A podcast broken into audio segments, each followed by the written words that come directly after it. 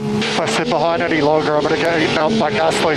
Húi, Leclerc, Leclerc Það kviknaði í Ferrari mótornum aftan í Leclerc Þetta er, þetta er fórustu maðurinn hérna í augnablikinu og mótorinn er sprungin Þetta er ömulegu dagur fyrir Ferrari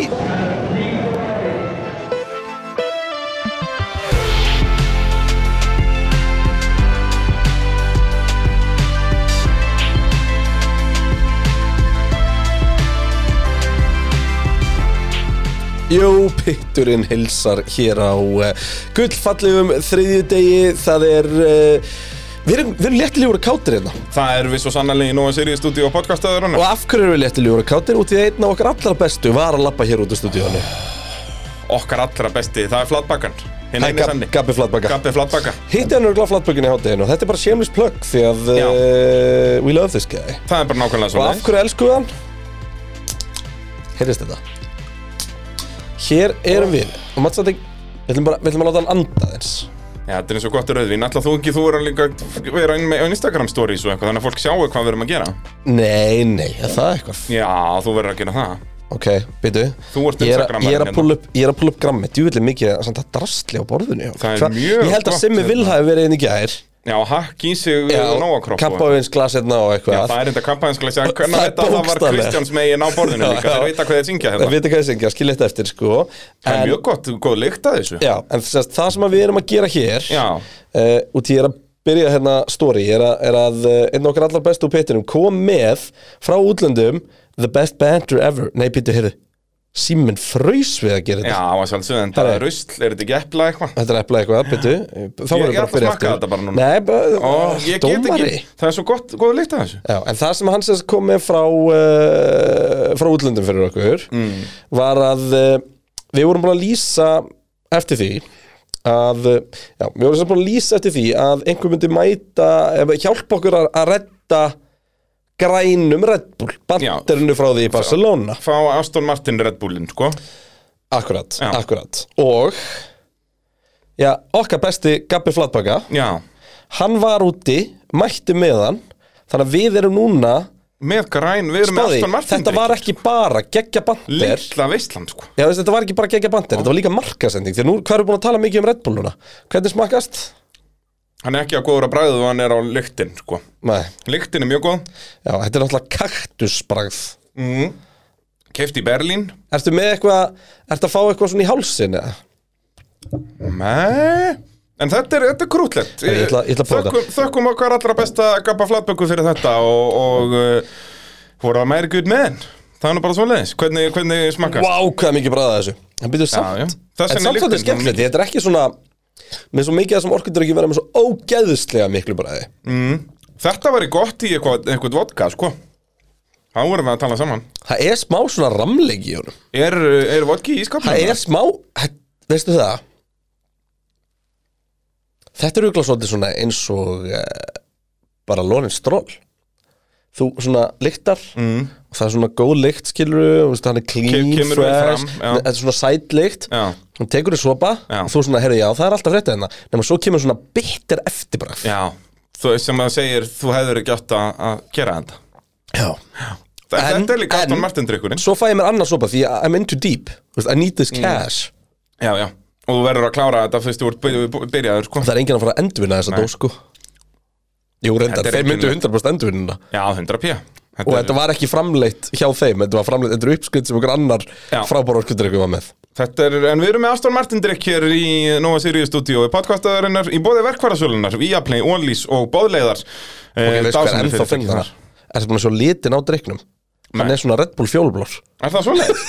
Já, heyrðu það var það Grættu utan og Red Bull Herra, Auðvitað, þetta er Aston Martin drikkurinn þetta gæti ekki verið betra Erði, já, hann er alveg svona eh, eiginlega svona fjólublári, já, hann Já, er bara eins og eins og Red Bullinn á litinn. Ferrari-bíl, nei, formúlubíl Já, Já, við erum í Nóa Sirius stúdíu podcastöðurinnar Já, við erum búin að segja það þrísvað sinnum, sko, þetta er og Er eigum við ekki það? að byrja þáttinn bara Jó, að við erum hér í bóði verkvarasölunar Viaplay, Ólís og Bóðlegar og þið verðið að drífa ykkur í verkvarasöluna dömunar og herrar því að eh, já, það er bara, ég er bara áhyggjur af því að þar muni allt klárast eftir bakku Já. Það eru bara enga þóttur að lenda hér Já, já, þetta Og- er náttúrulega millilendingin á milli Bakú og Kanada, sko Já, og Ferrari einfallega ég veit að búið að hrins út hafnafjörðin Já. það er ekkert eftir Það er ekkert þar, það var stist og þeir eru á leiðinni bara upp í síðumúlan eða hvað það heitir hann sko. hann er hérna við verðum bara að drífa ykkur Já. fyrir sumarið og mun Og að þið munum nota vantilega sjá okkur risastóra Ferrari trukk af valsaðan inn Já. og, og þegar það er bara cleaning out house sko. Þeir Já. þurfa Milwaukee eh, en að, að ég segi hvað í- er geggjað Ferrari fari ekki einu sinni sama afslut og pitgrúð sko. Nei, þeir hafa ekkert 20% þar sko. Nei, Það er bara Péturinn svoleiðis. Péturinn kóðinn í vefverslun og, og þið eruð uh, kom með uh, afsláttinn. Mér fannst þetta bara viðegandi Já, En heldur svo, betur. svo náttúrulega, ef þú vilt horfa á uh, liðin kli, klikka, þá er það Viaplay uh, Já. Svo er það Ólís og Bólið Þvíl companies Hérna, svo náttúrulega minnum við á pitturum.is að sjálfsögðu, það er það geti verið okkar stærsti styrtaræðli, það er pitkrúið Við elskum þetta pitgrúð Já, það Þú er veit líka, bara svoleiðis. hérna um, Aldrei svo vant Ég, ég kveikti á síðasta pit, uh, pitstætti hérna Patreon þætti mm. Ég svona legg það ekki vana minn að hlusta á þættin okkar Nei, við hlustum yfirleitt á það bara í, í live. beinni sko. Já. en hérna, ég kveikti á honum og það var mjög fyndið ég sérst, mér langaði að heyra hvernig þú settir lægiðin Já, og hérna og uh, ég festist því að það var bara, við vorum eitthvað svo létti ljúur og Já við, vorum svo, káttir við vorum svo skemmtilegi Já. þetta getur gæst Já, það þetta- lítur að vera sólmyrkvið eða eitthvað Já, geti verið eitthvað svona leiðin sko Heyrðu, mér langar að byrja á nokkrum skemmtilegum pælingum hérna sem að Þóra Jósk uh, kom með uh, inn á Facebook-postin okkar Já. Og uh, fyrsta pælingin þar er brautin opnið fyrir almenna umferð á milli þess sem að er keft á brautin yfir helgina, þess í Bakú ég held ekki, Nei. en ég var búin að sjá mynd af hérna, af þegar að umferðin er þannig Já, um, Djúvill er þetta skrítið því að þetta er basically eins og þú listir í útsendingunni bara áttar, áttar agrinnar í hvora átt hraðbraut Já. sem síðan þrengjast allar inn í fyrstu beigju akkurat þannig að það er bara, það er bara þetta er bara svo start í formúli Já. alltaf það er, það er akkurat máli, en þetta er ekkert notaðan á milli, sko Það er bara búið að loka Nei, þessu nei, nei, alveg. nei, nei. Og eins og ég segi, Og örugglega pittbyggingin ekki er í- helmingur Já, og eru ekki smá tíma sko í kring Já, ég hugsa það, þetta er ábygglega alveg vika og vika að setja þetta upp og setja Mm. þetta niður, sko Uh, hvað er með DNF í einni keppni? Við fengum náttúrulega hvað 5 DNF í þessari keppni sem sagt did not finish uh, en sko eins og Monaco 96 þar voru sko þrýr bílar eftir keirandi á brautinni en það voru s- fjórir sem að duttu út á síðasta eða næst Já, síðasta hring bensilösur var það ekki Jú, Það var- mig Það minnir var það. allt búið að vera í steik og svo er allir bensilösur Já, eftir að þú veist að voru þarna á einhverju 13-15 bílar dotnir út að þá eru nokkri bensínlausir í endan líka þannig að voru þrýr eftir keirandi en það voru semst sjö classified þannig að það er ekki metið metið er Detroit í 1984 þá voru 26 sem að byrjuðu 6 af þeim kláruðu 20 bílar duttu úr leik og meira segja að Martin Bröndul var dæmdur úr leik eftir keppni þannig að það voru 5 sem kláruðu Dómarður hafa haft svo lítið að gera eða svona þetta skoðuna fólki að það hefur allt verið skoðað í bílunum Já, ég hugsa það, þegar voru, voru eftir Herði, þarna býtum við, 6 hvað er hérna fyrir aftan en hann takka? Já, eru, Þetta er ólulegt öryggi skoðum þetta Þannig að, já, Detroit 1984 að Ég hugsaði við, já, ef þetta myndi gerast í dag þá náttúrulega myndi enginn klárast út að við erum bara með 20 bíla í dag Já. Hanna höfðum við eh, 13 Góð lið, punktur. sko Þannig að, eh, en við erum alltaf að tala um það, við viljum fá fleiri lið Þannig að Já, spáði því, 13 lið og það dettur allaf út einn bíl í meira en helming liðana Já, er veist. nánast fle flest lið með 2 DNF Já, ég, það er sem ég að segja, sko, Já, þetta- já. þetta er insane sko. Já, bara vitleisa uh, En var það, vitum við eitthvað, var það kröss eða var það bara alls konar? Ég hef ekki séð það er örugglega- að að- að finna þetta á YouTube Jú, þú veist, Detroit þarna, þetta var, var mjög götubraut. röf götubraut Þannig að þetta var mikið bara bílanir Mhm. uh, Út af því að bara bílanir voru hristast í sundur En svo náttúrulega líka bara ökumenn að fara upp á kanta og brjóta fjöðrun og eitthvað skilja Já. Þannig að, uh, jú, áhugavert Hvað er uppáhalds DNF-ið ykkar? Þarna fór ég að pæla, þú veist Það hljóta að vera kröss, þú veist Það er ekki, já, það er ekki eitthvað eftirminnilegt Það var vélarsprengi eftirminnilegt þarna ekkert, maður var ekki sjúmakar ekkert, maður bensinlega svo síðasta ring Jú, það hefur náttúrulega alveg oft gest, sko Já, að vinna keppni á árinu sem Míka verið mestari Ég man að það var mjög eftirminnilegt sko Já, Ég man bara ekki hvar eða hvernig því ég var svo lítill já uppáhalds í NFG er náttúrulega alltaf ef að það er sko ef þú heldur með ykkurum og anstæðinguna stettur úr leik sko þá er það uppáhalds, já Eitt áhugaverðasta DNF í setni tíð myndi ég segja að var ekki DNF en samt og það var bara Hamilton í bakvið í fyrra Já, því að það var svo áhugaverst já, já og bara Um, Hamilton í Malasíu 2016 Þú veist, þá var líka Já. eldur og alvöru sko, alvöru engine explosion Já, ég, ég, þetta, er, þetta er eiginlega svolítið, það er eiginlega ekki hægt að svara þessari spurningu því ég á ekkert uppáhalds DNF. Með uppáhalds, þú veist, ég verð bara, krössin er alltaf áhugaverðist, þannig að bara Kubika í Kanada, þú veist, sem var bara störlað kröss. Ég eitt, eitt uppáhalds mitt, jú, ég á eitt sem að ég svona get hugsa pínu fondli til, sko. Ok. Það er þegar að uh, Rósberg og Hamilton kera okkur annan í, í Barcelona Já. bara út í að það var búin svo ógeðislega boring season sem ég var að lýsa og Er þetta ekki bara þitt fyrsta síðan að lýsa? Er þetta nei ekki? Þannig er þetta annað. þetta er, þetta er 16 Þetta er 16. Já, þetta er Max komin í Max komin yfir í Red Bull alveg rétt, já. Og Hann byrjaði hérna- að 15 og komin, já, þetta er 16. og Max vinnur náttúrulega sína fyrstu keppni Já, já. þannig að það var svo eftirminnilegt bara svona Loksins eitthvað smá uh, uh, lit í, Já. í þannig að turbo hybrid era. en þú veist, ég get alveg nefnt svona ég get alveg nefnt tíu DNF á síðust árum sem er mjög eftirminnilegt, þú veist, það er Hamilton í Baku, það er Hamilton og Rósberg í, í hérna Barcelona það er Fettel og Hockenheim Já, já, það var störlað, ætli það sé ekki mitt uppáhalds. svo náttúrulega þegar þeir lenda saman Red Bull gæðinni, bæði Ricardo og Verstappen og Webber og, og Fettel í, Já, í í hérna Tyrklandi Tyrklandi. um, svo náttúrulega þú veist Grosjan krassið var náttúrulega þú veist, maður minn aldrei gleyma því Nei. um, Kupitsa krassið, maður minn aldrei gleyma því En síðan líka bara eins og í bara í vor. Bara báði Red Bull á síðasta ring. Hjúts, Bara- gæti verið hjúts í lók tímabils en það er alltaf Gæti að vera verið. óleiklega og óleiklega Já, en þú veist. um, Þannig að þetta er, það er mikið sem kemur til greina Jú, ég ætla að setja Fettel í Þískalandi nummer eitt hjá mér bara út af því að ég þótt hann svo mikil tussan á þessum tíma já Þannig að það verður að vera það og ég var ég var á strönd sem var samt ekki strönd heldur við Já, einhverja á strönd- en var strönd samt við svona á. sandur í Já. postmann eins og maður gerir og uh, Vala lá sofandi í solbaði við hliðina á mér og þú ég var varst svo að- fegin nei, ég var svo fegin að hún sopnaði því að þá gat ég bara verið í símanum að horfa á formúluna það var ekki e- Ekkert eitthvað þú distraction ert í fríi sko Það er hérna, já, Þetta er að skemmtilegasta sem, það- sem þú gerir þannig að þetta er svona að það var okkur að skytið því að það er þá var ég ekki búinn að horfa á formúlukefni sem áhorfandi Síðan ógeðslega bara 2013 lengi eða eitthvað. og ég man, ég var farin að senda rúnar í geðin mikið að skilabúðum um eitthvað sem ég var að spotta sem hann var ekki að spotta Já, og hann bara sá eitthvað. náttúrulega ekki það Nei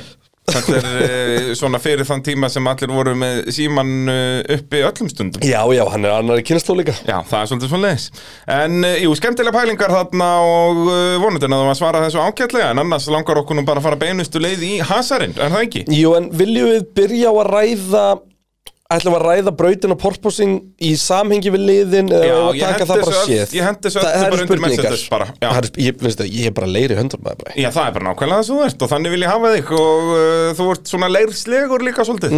Það, er, það er svolítið svona Mm. Já, fyrir utan þetta fyrir alltaf aftur í sama horfi hjá mér sko. Já, það er krútlegt. Þetta er meira svona memory foam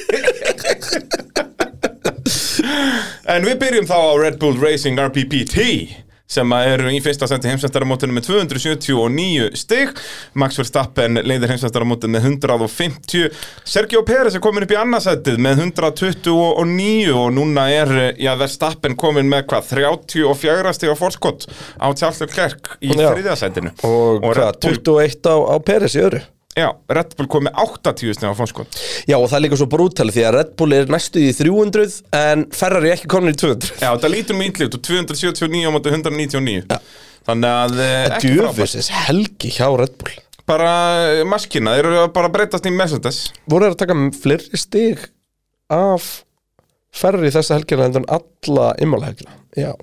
Já, Ekki. út af Ferrari skora 0 sko. já, og fengu stig í sprettinum sko. já, Þau voru basically á par eftir sprettina munaði 2-3 eða eitthvað Og já, síðan var endaði þetta ekki, Leclerc var þetta ekki Red Nei, Bull sjötti. ferri, ferri Red Bull í sprettinum, minni það Já, eitthvað svo leis Og, og klerkna er þarna sjötta seti eitthvað sem þá allavega eitthvað 10-12 stík Einmitt. Þannig að, e, jú Það, þau, eru- þau hafa aldrei grætt jafn mikið en þau eru bara að græða jafn mikið og Ferrari grættu og þau í bara einn, skilur, þetta er bara alveg sama sving algjörlega, og núna eru Max og, og Charles jafnin í DNF5 Já.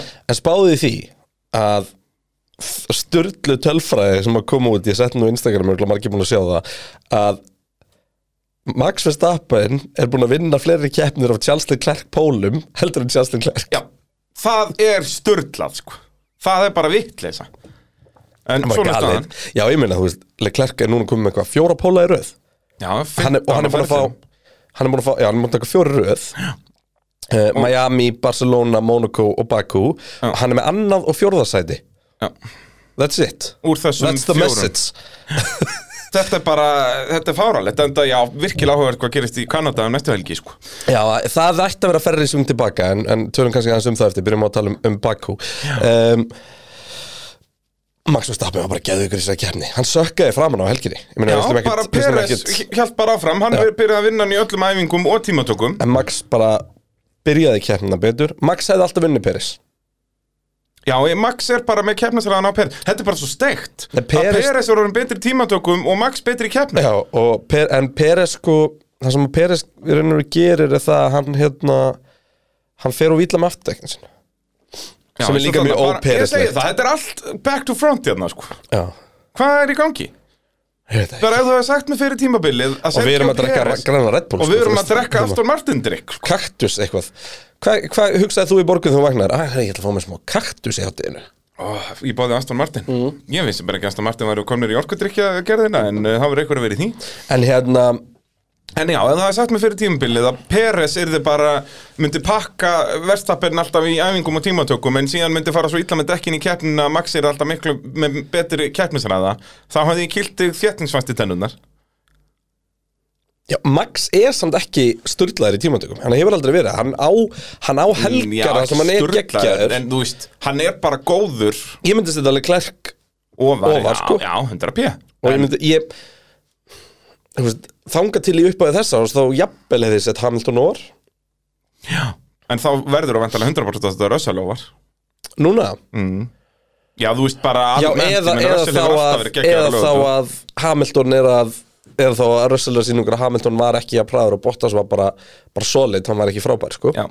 út af því að við erum ekki með samanbyrð í Bottas þá, þú veist, við höldum hann sér gera geggjaðar hluti en ég meina hvernig Joe var að vinna hann alltaf helgina sko. Já, ú, tölum það á eftir maður Sjóð, geggjaður geggjaðar, oi hvað var hart breaking bara. manstu líka, við vorum að tala um hann þegar hann hægir á sér sko. oh, en brutum mér hérna, já, það var það og þetta er svo næs gæi Já, 100 p En já, tölum við það á eftir en hérna, uh, Red Bull uh, En Tjekko Þú veist, ég man bara Manst á fyrsta ring Þegar ég koma í gegnum 16. beina Nei, 15.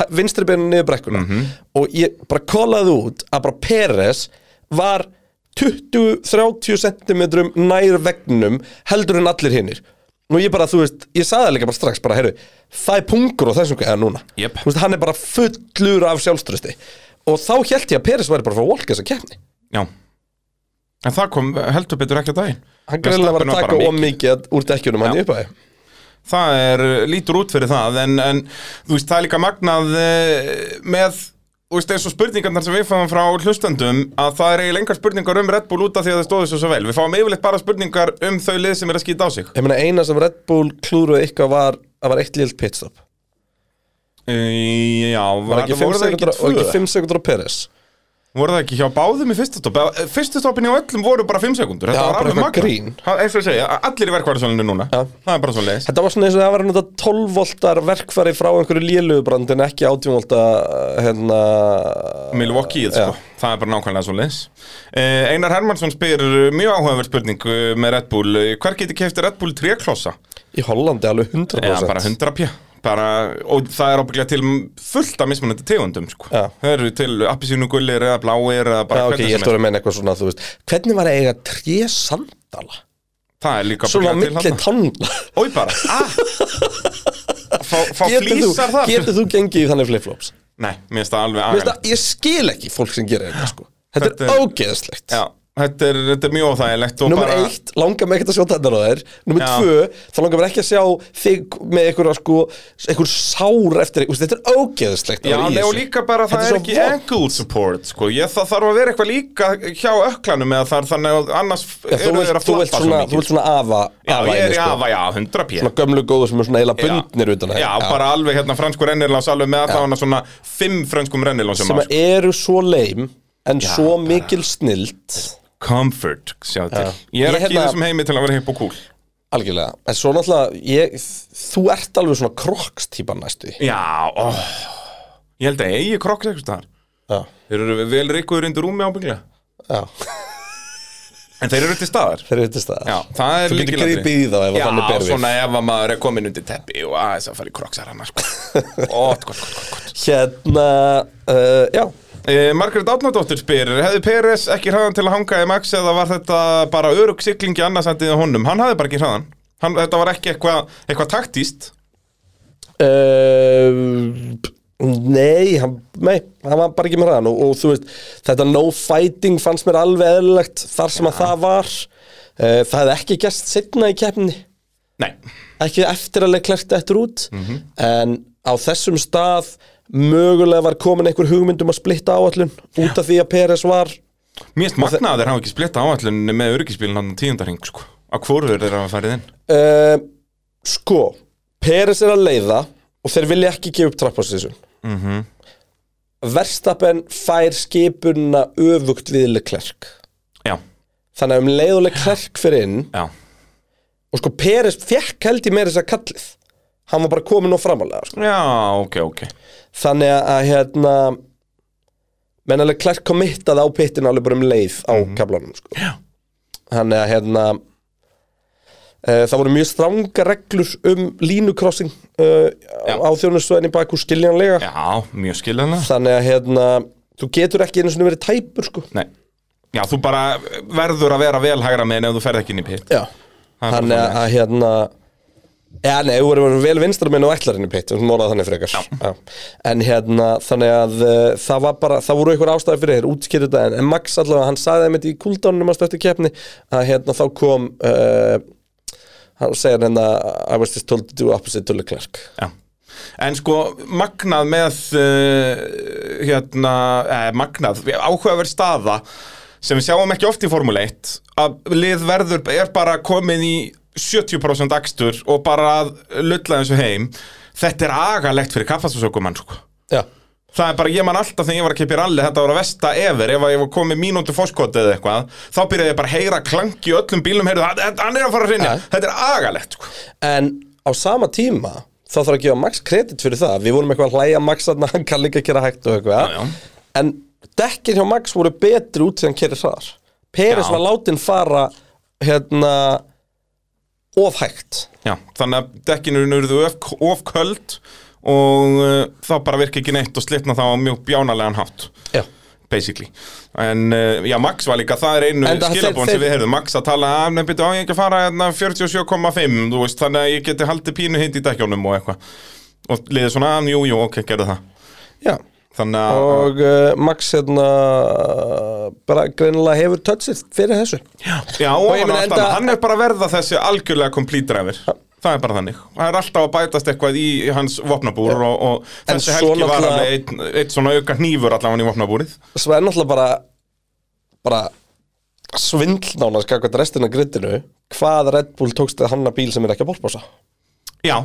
Og þannig að og hún ég er náðu yfir það líka að ekki nulla miskilma, það það er út úr ekkert honum. svindlarna en ef að ég væri í einhverjum öðrum bíl þá var ég mjög öfundsjúkur akkur tónum bara, já, Já. þeir eru bæði hraðir og þeir eru með right quality Já, Þú veist. Eða, þú veist, hossist allavega að minna. Það eru þetta hoss til staðar en... en maður eh, samt valla tekur eftir í Red Bullinu það er kannski bara því maður er fann að horfa á þessu íkt til öllum hinnum Já, getur verið. En þú veist, eins og Ferraríin er mjög yktur. Hann er eiginlega yktastur á að horfa. sko ferrarín bensín sé er næstur. samt eiginlega ferrarín er eiginlega svo eini sem er að porposa Já, þú veist, því hann er bara upp og niður, upp og niður, upp og niður Já. þú veist, Mercedesin, við, við getum ekki kallað þetta bara porposing hann er fram og Því að- aftur, sko. Hann er...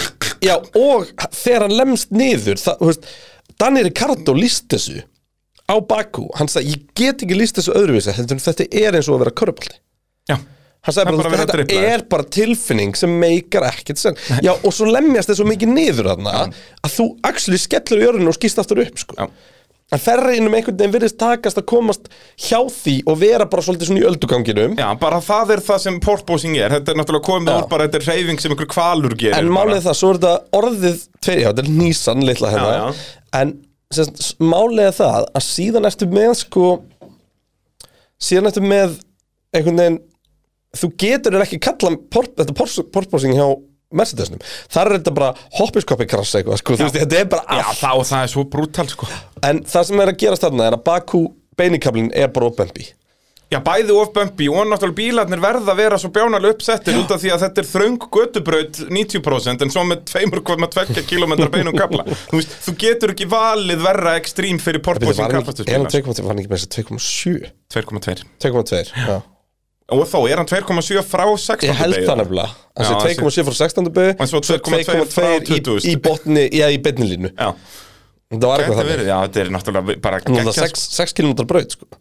Já, þetta er uh, löng braut, sko En hérna Já, en við tölum meir um porpoising vantarlega í spurningum á eftir Já, heldur betur, Bjarni Bjarn okkar allra besti spyr eh, Verstappen glæsilugur Sigurvegari, væri möguleiki að gefa Max eitt backhanded compliment frá bralla af því tilefni Ö, Eh, Þetta er það er lí- þetta er sko- okkar besti lítþæktur Já, og Og hann er það er náttúrulega, við vorum náttúrulega- að henda í góð backhanded compliment hérna í- inn á já. Patreon uh, fyrir vikunni, sko Hann er náttúrulega uh, Hérna Hann er náttúrulega hérna Mikill Hamilton maður Já. Og hann er ennþá að tala um Hann er ennþá... ennþá- áttfalda heimsmyndstarinn Lúi Hamilton Já, já, hann er, hann er ennþá pínufúll Já, og hérna Þannig að þess vegna vill hann fá backhanded compliment. Glæsilegur sigurveri Já. Er Ég ég efast ekki um að það sé kalt henni Glæsilegur sigur, ég hefði átt að lesa þetta með kaltæðnisröttinni minni sko- Já, við fengum einmitt hérna skilabóð frá einu sem við áttum, hann bað okkur innilega um að lesa þetta með reyðu aðtjóðasendaröndinni. Já, það er, það er líka orðið þing hjá okkur, sko Og En, en sko, með, með backhanded compliments Það er náttúrulega besta sem að er á- í því er, er það sem ég sagði hér inn á petrum.is og að, þú veist eins og ég geti sagt um Vestappen sko, hann er merkilega lítið sveittur með um hvað hann er feitur En síðan væri hægt að vinna með sko, heyrðu, þetta var nú fallega myndaðir Vestappen Ég bara þekkti þig ekki Þú veist, alls konar svona, er þetta að vinna með fullt Mik, að mikið er þetta góð myndaður, ég bara þekkti ekki. Já, þú veist, allt, allt þetta, sko Og ég bara myndi svona, já takk, ha? Já, já, sem takk, ha, ha, þú veist Og líka, þetta, þú, þetta, þú ert merkilega lítið sveittur er mjög augljóslega dis en þetta, þetta er svona æ, ta, Já, þetta, ha? þú, þú myndir, ef þú verður að lappa fram hjá hver öðrum, myndir þú segja takk og svo eftir tíu skref Býtu, hæ, er hann að segja hans í Já, ljótur? en hitt, þá myndur þú bara, bara smetta já, já, þú veist, sko. svo þarna, þú veist, ef hann er að vinna með mikið á svona beauty products og svona, þá get ég sagt sko bara, húðalegt og fallur í dag, þetta hlýtur að tekja það allan morgunin. þetta er aftur svona, takk, ha? Þannig að það er hægt að vinna með fullt af þessu sko. Það er ekki eh, nokkur spurning. Uh, Lítið sem er lúta, ég þekkti því ekki Já, Ólís, ég bara þekkti þig ekki, svo fallið myndaðir uh, Ólís okkar menn á vettvangi Það að er sjálfsögðu. engin, það er engin backhanded compliment í vinnofnum þar Þar eru bara compliments Bara compliment Og þetta er svo þægilegt líka og sækir um leikilinn Hann kemur síðan bara í posti og þú byrjar bara að nota hann Já, og fær bara afslátt allstaðar Já, þetta er bara indislegt Kóðum pitturinn á eh, vinnofnur.olis.is En hverjir eru ofinni helgarnar? Ég skrifaði henni skjalið bara Ferrari og Vélar mm. Þetta er ekki flókið sko Um, En svona af ökumunum var Mercedes eitthvað bíf ökumenn og velíðan Já, Jú, Alonso og Latifi Nei, A- Albon Í Tímatökunum já, alveg rétt, já, Alonso var fyrir framann og Alban var brjálæður ja. Það er gott sjánt um, En þú veist, Ferrari og Vélar Ferrari og, og Ferrari og Stig, Ferrari og Já. Sigrar Ég verð sko, þetta nú erum við að fara að tala um Ferrari Já. Ég með langar að byrja þá umræðu á uh, frábæru kvóti, eitt frægasta kvót frá Enzo Ferrari og hann sagði Aerodynamics are for people who can't build engines Ekki kannski viðandi þessa helgina Nei. En uh, mér þótti þetta dásamlegt Já, Þeir Ferrari- þarna auðlarnir ykkar að vesanum með ykkur að vangi Þeir eru bara aumingar sem kunningar smíða Smíða vélar vélar. Já, það er búið að snúa svolítið við í dag Uh, en þá ætlum við að tala um Ferrari sem eru í öðru sæti heimsastaramótinu með 199 stig, 80 stigum á eftir Red Bull og Charles Leclerc dottir niður í þriðja sætið með 116 stig, Carlos Sainz ennþá 50 með 83 Hvernig getur þú verið 50 á Ferrari? þegar þú ert uh, bæðið að gera mistök og bílina bílundan Já, veist, þetta er bara svo lélegt Þetta er mjög lélegt að George Russell er núna bara að pakkunum Russell er núna með 99. 99 stig Hann er bara 16 stigum á eftirlega klerk sko. Já. Nei, 17 stig Sem er sturglað sko. Því að Russell er bara Mhm. En tvisvar sem er búin að ég vera var- þessandi sko. Ég eða þrisvar. hérna, þegar ég heyrði tæknistjórnun hans Russell, sem alltaf röddinn sem er búin að heyra að tala við botta svo lengi Já. That's another third place for Mr. Consistent Ég er bara, æj Æj Við höfum, heyrt, við höfum heyrt þetta áður en ekki, þá hefur það ekki verið jafn jákvæmt Nei, mér fannst ekki ákvæmt Mér fannst þetta bara svona, æj Nei, Þetta hvað er er ekki Þetta er ekki að smeltera Jú, mi- á þessum Um bíl Þetta er bara svona Þú ert, sem- þú veist, þú, þú ert skotin í einhverju stelpu, hún kemur, æ, þú ert sem ekki krútt og þú bara, já, glimt þessu, shit og þú ert svo góðu vinnur, skilur Æ, þetta er, þetta er, er þetta er það það dæmi, sko Er það? Já, þú vilt ekki vera Mr. Consistent í þriða sæti Nei, auðvitað ekki, en á ef ég þessum vinn all, bíl ef ég vinn allar kefnin tímabilsins Já, en þá máttu þetta er kalla mig, basic. hey, that's Mr. Consistent og Að ég var vera- ánægð með það að vera En það er- consistent í en þriðja það- sæti á ég- þessu. Ég tengi bara röddila líka hjá Ég veit það. teknistjórnum Það er það sem ég var að tala um. svo mikið mediocre dæmi Já, eitthvað, sko. þar er hann bara, herðu úr, aftur í öðru seti, Já. vel gert En að, já, Be- Hamilton er undan þér Þú veist, Ég beið bara eftir hérna George, it's James Já, en sko ég er ósámælegar hérna að það að vera, að fá hrós fyrir að vera konsistentli í þriðasætti á þessu apparati er bara, það er eins og að vinna allar keppnur á Að Mhm. öðrum með bílum, þetta sko. pakka Lewis Hamilton, já Það er nefnilega akkurat máli og hann er svo sannlega að pakka Lewis Hamilton En við erum að tala um ferri, við erum ekki að tala um Mr. Consistent En Það- tíma það sem að fyndi Það ætlum við að uh, gera og, og uh, Jón Ægir Baldursson uh, er til áfangaheimili þar sem ferrar þetta undur geta að jafna sig og við fengum hans margar svona er spurningar ekki, er ekki eina sem við getum lagt til við ferri að döndur að drekja sorgum sínum á pitturinn live og lögutaskvöldi næstkomandi Bítu, bítu, bítu, Var ég að skúpa? hvað segðu okkur meira? Að segja meira? Já, hvað, er, erum við að fara að hella í okkur og lau? Já, á ég að taka það með reyðu aðtúasendaröndinni Já, það laugardaginn Á lau Daginn eftir þjóðháttíðandag Íslendinga Ætlað þú þá að vera að sulla bara í áfengi? Já Anskotin er þetta Herðu, nei, hérna Ég höfði ágætis, þetta er ágætis segway Já, bara geggja sig eitthvað um, Sko Tímatökurnar eru klukkan 8 ef ég maður rétt á laugardaginn Já, þetta er náttúrulega Kanada Þannig að eh, it's þetta er eh, Canada. kvöldstemming, sko Þannig að við B-Dog ætlum að hendi í einhverja, einhverja lögléttaskemtun fyrir, fyrir pittin um, Verðunir í arena að búið að fixa þau vandamál sem við dílum við síðast Hvað, voru ykkur vandamál Eh, Það síðan? mástu við þessum að sækja sjómvarpið hann á eitthvað til að skjára virkaði sko, ekki Já, já, já og ég og Bræi eigum reyndar alveg eftir að ákveða hvað ætlum að gera en það verður geggjaf Já, bara þetta er það verður basically- quiz, það er alltaf quiz, Já, það er verð- vinsælt Við verðum að hendi quiz og uh, Ég en get hendi nokkur svona quiz með að gíska hverju ökumæðurnir með við hvaðan liðum hann var Já, en það sem að ég er nefnilega að spá í hvort ég á,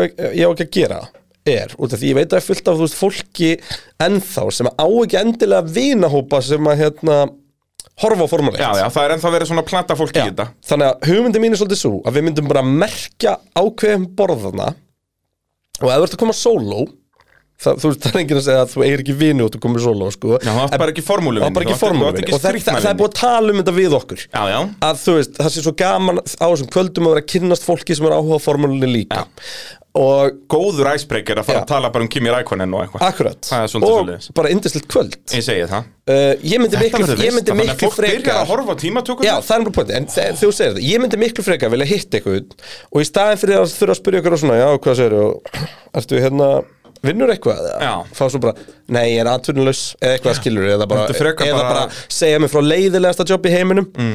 Eða bara segja mig frá jobbi almennt mm. Að fara bara að tala um kýmir eitthvað Já. Og Getur ekki af hverju klifað? mér finnst hann ekki þér Og af hverju ég myndi Jafnvel beil á þessu til að fá mig bjór með honum Já, um, Allavega, þannig að ég er svona spáð Við höfum ekki að gera eitt langborð sem er bara, bara sestuðar og byrja að tala um fólk I like it. yfir þessar tímatökunum Já. En punktunni sem sá að það sem okkur langar svo til að gera er að það séu þið mætið nýri í arena, horfið á tímatökuna saman Uh, að sjálfsögðu allt í beinu útsendingu Ég er búin að redda tilbúði á öllu fyrir okkur Ú. þú veist, bjórin er á happy hour allan tíman oh. þannig að þú veist uh, Þannig að fólk er að rúla þarna inn svona 7.30 já, og og svo, horfa þú veist, tímatökurnar Ah. pizza og bjór á 2 og 7 eða eitthvað og, og pizza og gos á tæpan 2 og skall Getur ekki og það eru, klikkað, sko. það eru alveg djúsið þarna sko. Já, þetta er alvöru um, og hérna, þannig að þú veist ef við myndum, ef við neglum í þetta við komum svo bara, Við hlaupum bara frá grandanum já, ég kveð við kveðjum bara fyrir viðtöl og segjum Kim bara, hey Kim, you turn this off for us man, it's very good we, Já. we,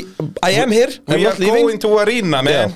Yeah, we, we are going to the arena to meet our amazing pit crew Yes og hérna þannig já, það er komið og eh, Þannig að við við munum, við verðum munum að held valsa út þarna hvað Tímatökurnar eru að klárast upp úr nýju við munum, sko, Við mætum þa- að tala fyrir tíu. fólk verður náttúrulega þarna að horfa á tímatökunar Já, já. þannig að við, við gefum okkur ef að segja 20 mínútur frá síðasta orði og við erum að valsin Já, ish, já nei, tu- 25 Þetta er ástæða fyrir að þú ert alltaf seitt Þú underestimatar alltaf hvað þú ert lengi já. Þannig að gefa okkur 25 mínútur og ég öndum þetta líka alltaf það sem ég er að gera á undan Ég segi það, þú þannig ert að ég er alltaf- þú alltaf ert að svo- leggja stað 5 mínútum og seint og er Já. 5 mínútum lengur legin, það er alveg rétt hér Ástæða fyrir þú ert alltaf seitt er vegna þess að þú ert svo jákvæður Þú ert alltaf, já, já, mættur reitt, engar ágjur Það eru pottið bílastæði beintur frá mann Já, ég segja það og bara, og þessi fundur mun öruglega ekki dragast og ég verð öruglega ekki lengur lengi Nei, nei. að koma sinni mínum í stígveilin og þetta verður ekkert vesen En síðan bara er þetta tómt vesen Já, Þannig að að jákvæðinni þín er ástæða fyrir úr alltaf sitt já Þa, Þetta er ástæðan fyrir að þú ert stundvís að þú ert svo neikvæður og leðalur Ég er, ég er bara raun, raunsær Já. sem er neikvæða mannsins leið til að Þið segja megi- að hann sé neikvæður Ef að bjóða fólki að skjóta á okkur bara hugmyndum líka Ef, þið- ef það er eitthvað svona, þú veist, um, þeim er alveg message okkur ef það er eitthvað Ef Já, um það er eitthvað hvað dettur við, eitthvað í hug. við viljum gera Já, það? ef að fara í samkvæmisleiki Getum farið í stólaleg Já, eða svona hérna, þú svona, ég og þú verður svona brúðhjórn og lift upp skonnum, hvor var ég líka? Já, Ú, og svo getum við farið að svona maður á að sprengja blöður í, í klófin á hver öðru eða þannig Já. Þannig svona eins og maður sé að ríða Oh my god, þið verður farið í svoleiðis, það er svo sniðu Jésús Ú, samkvæminsleikir eru svo kendilegir Herri, Við erum orðin miðaldra, okkur á að finnast þetta skemmtilegt Herri, það er rétt Það, oh my god, þú eru að fyrir leiki Ó, Það er að koma með ykkur í breytskuld Í að fara í- ó, En, svo nei, ég gaman. var svolítið að jóka með þetta En ef það er eitthvað svona sem ykkur dettur í hug sem að við hefum klikkað á í þessum live-eventum þá með alveg henda okkur Já, DM. samt, sko, við viljum ekki hafa ykkur að þjætta daskra sko. Fólk var bara að drekka bjóra og tala um formule 1 Já, en mannstu síðast þegar fólk var bara að drekka bjóra og tala um formuleit þá var það allir að býða eftir að við myndum að segja eitthvað um Já, það formuleit er ákveðin skellur, sko Þannig að kannski Kanada söguhótt Heyrðu, já, já, það eftir náttúrulega Þú átt það eftir Á ég að hendi það Þetta og- er fyrsti og Kanada nota- kappaksturin Ég okkar veit það, saman. ég veit það En á ég að hendi það og nota síðan upptökuna bara í pittnum á þriðudegin Gætum gert það eða sleppin því að vera með græjur út í að vesen Já, við nennum því Ja, við erum fljótar En ég að taka nenni ekki það upp að aftur. ávarpa bara með eitthvað söguhotn Vera bara, vera mættur í púlt að segja sögur Prófum að taka söguhótt með vídeo Með vídjóum Já, veist, tala um Kupitsakras og sína fólki það er Já, ekki búið að segja já, það. gerum það svoleiðis, bara casual Þetta er ekki, verður ekki Bræði Þórðarsson sögum, það eru bara Bræði Vittlisingur Já, Já, hví ekki Ég get undan með það í útsendingum að skrifa Ú, ég er enda þessi vika, er voða busy hjá mér sko. við finnum eitthvað út úr þessu Við græ- Ég get kannski græða þetta á lögadeginum, já Já, finnum eitthvað út úr þessu Og þó nei, ég get það eiginlega Æ, ekki. hættu kæftu, við Þetta er finnum tómt- eitthvað út úr þessu Hættu, þetta er tómt vesen. við leysum það ekki öll heimsins vandamál Við- við ge- við gerum Áfram eitthvað, gegn, við við vorum gerum að tala um eitthvað. Ferrari Það er rétt uh, Og uh, Corinna Elisabeth spyr uh, Hvernig getur það verið að Ferrari-vélar uh, rústa tímat uh, að að Ferrari-vélarnar á rústa tímatökunni en gefa svo upp þegar á reynir Það er náttúrulega út að tímatökur eru bara þrý ringir Já, sko Þetta voru náttúrulega tvær ólíka bilunir hjá, uh, hjá Leclerc og Sainz Það talaði um hydraulic bilun hjá uh, Sainz Já, það er bara í bremsónum basically, já. þannig að það er bara bremsur um, Um, En þetta var klálega sprungið mótur að Ferrari Ég er ekki búin að sjá nokkla hvað en þetta lúkkaði alveg proper old school bara springirheifils blóa Já, þetta var bara alvöru, bara reykur og stemming, sko sko. En Þetta er smá hérna- eld með Ég er 100% vissum um þetta tengist porposinginu Þú ert að kasta því út í kosmósin Já. Það er ekkert annað Þetta gerist akkurat þegar hann byrjar að porposa Já, og þú veist hvort hann missir olíuþrýsting í smá stund eða eitthvað Það er ekki, ég er vissum þetta tengist í Hann er efst, hann er að sem skipta frá að vera uppi og byrja að pressast aftur niður og þá Já. Þannig að hérna ég er, ég er alveg vissu það og uh, ég held að allir ferri í mótorinu sem fórum helgina að fara út af því Já Ég- ég- Það er svo sem Þú við veist, höfum ekki hvernig- fengið neðar fréttur og munum Þú veist, sem ekki fáum fréttir sko, Heldur það að en- sé dínonir í Maranello sem er bara á svona tjakk sem er að hrista mótorinn allan daginn eða? Nú þyrftu liðin að fara að smíða Ég svoleiðis. veit það Gera svona eins og bara flughermarnir eru Risastort herbergi á tjökkum Já. Gera svo leiðis fyrir vélarnar og bara hrista þær á meðan þeir eru í dínó Bara Nei, bara í alvörunni Og renna þær þannig í fjóra klukkutíma streitt Já, það er náttúrulega málið, sko Og ég meina, Leclerc er 100% komið með eina til tvær vélar, hérna, refsingar á þessu tímabili Já, sem mann mun, þú veist, takk út Já, setna og svo er eitt annað í þessu sem er svo dýrt Ferrari mega komur í liability uppfæslur en þú mátt ekki uppfara gömlu power í undir Nei, þannig að ef það kemur uppfæsla núna og hann er búið með vélina sinna þá verður refsing á allar vélar sem hann þarf að nota eftir, það sem eftir er á tímabilinu og því að það er ekki, þú veist, þótt hann eigi tvær í púlunum sem virka en þá þá eru þær þá er ekki það, uppfærið já, vel bara svo mikill sjens Þannig að getur nota þær í æfingum og eitthvað En ekki, Ég var ekkit brjálæðislega happy í Ferrari customer sko sem Haas til dæmis, eða Alfa og ég meina það eru bæði lið sem er að berjast um stig Já. er ekki örug í stigum, en er að berjast um stig Já, já. þannig að þú veist, Alfa var að missa sæti þessa helgina til dæmis 100% Þannig að, og Nei, hann var bara Alfa, Alfa og Magnúsen Alpín. var 11 þegar að spurningu um mótorinu hjá honum Nei, Magnúsen var 10 Já, það ekki, hann var Magnús... Magnúsen var fyrir framan okkar Þannig að hann- að það hefði verið steg Það hefði verið stig Fyrstu líka. stig hans bara síðan í þriðju kefni eða eitthvað Þannig að þetta er, þetta er rosalega dýrt um, En það er einhver, það er einhver stór vandamál með hennar ferri mótor Já, allavega í þessu porpoising-dæmi, sko Það er bara svoleiðis Uh, okkar allra besti Raki Makk hann spyr uh, hvað er snegri Bræja Þorðarsson að fara á milli stúdíóa eða Ferrari að taka pitstop þessa helgina Mér fannst þú nú ekki nógu fljótur þetta var það lið ábygglega 5 mínútur á milli sko.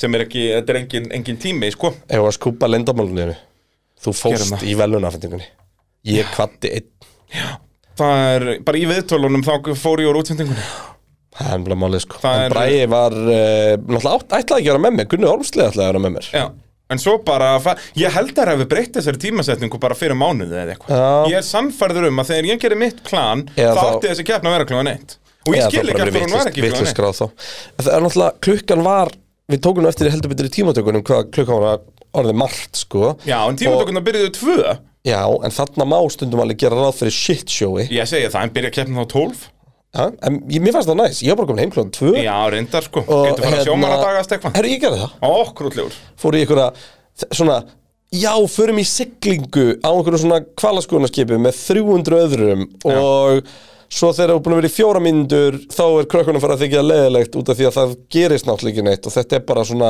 dug, dug, dug, dug, dug, Já. dug, dug, Þetta er eitthvað ekki- það er ekki mikið rétt hasar. út fyrir hafna fyrir að höfna aftur baka Geðið krútlegt og skemmtilegt Já.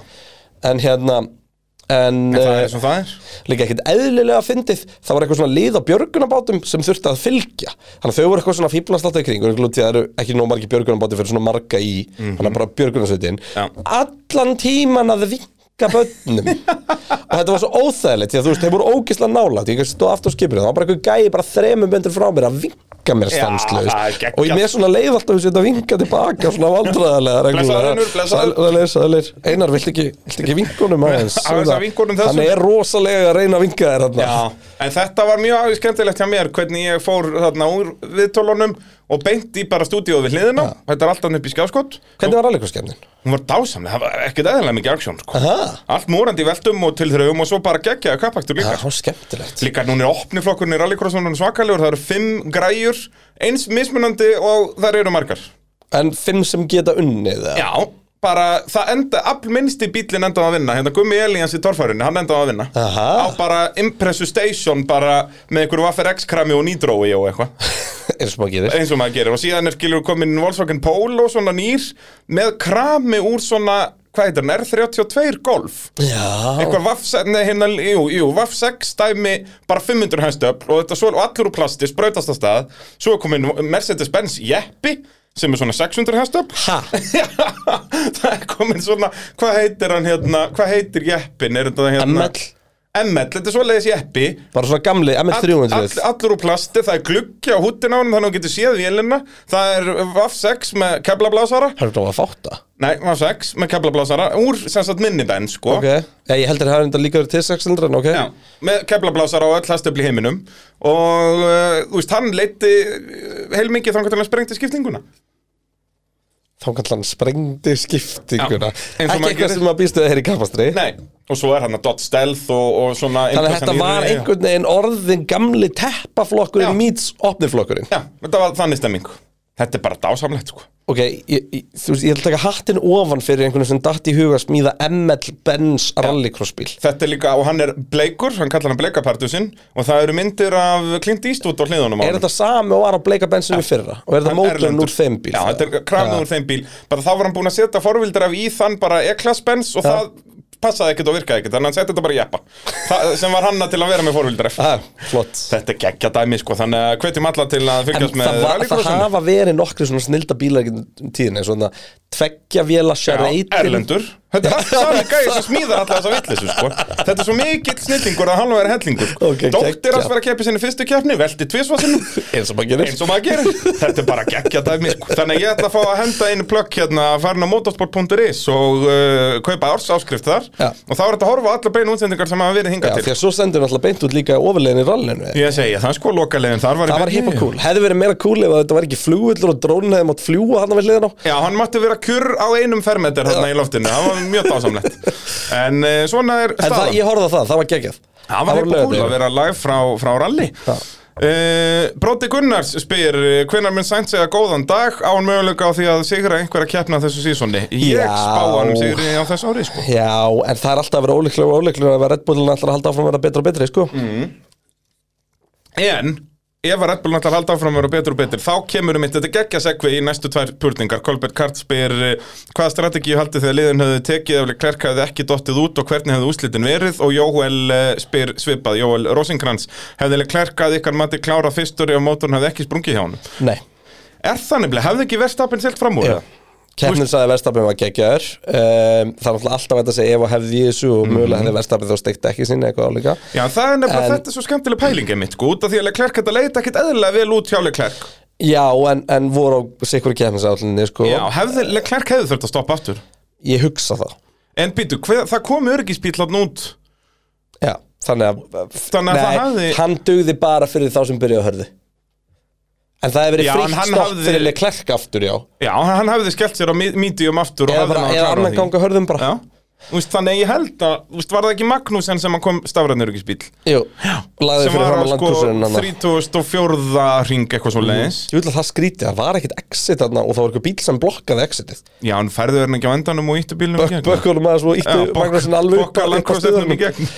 Hérna, En sko þetta er nefnilega, þú veist, ef að það hefði gæst, ef þessi öryggisbíl hefði komið á ég held, 34. ég held samt að verðstafinu unnið Er það? Já Ég hugsa að verðstafinu hefur verið komin fyrir framann þá og Nei, þeir hefur báðið tekið stopp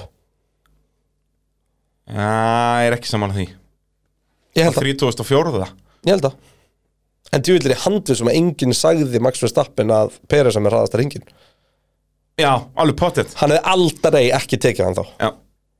En hérna En ég, ég er, ég er viss um að verðstafin hefur unnið Já já, ég er svolítið á báðum áttum, en ég held Þú sást hvað Verstappen sko. pakkaði Peres Já. og það var samt þegar við vorum búin að skrúa niður sko. Já. Jú, hann hefði tekið þetta. Peres hefði ekki tekið hann, þetta hefði verið Þetta Verstappen hefði Leclerc orðið Peres áhugavert. Þetta Já, hefði orðið við helviti vorum áhugavert. rændir skemmtilegri keppni Þetta hefði nefnilega alls ekki verið, þú veist, ég er sannfærir um að á Spáni hefði Leclerc pakkað.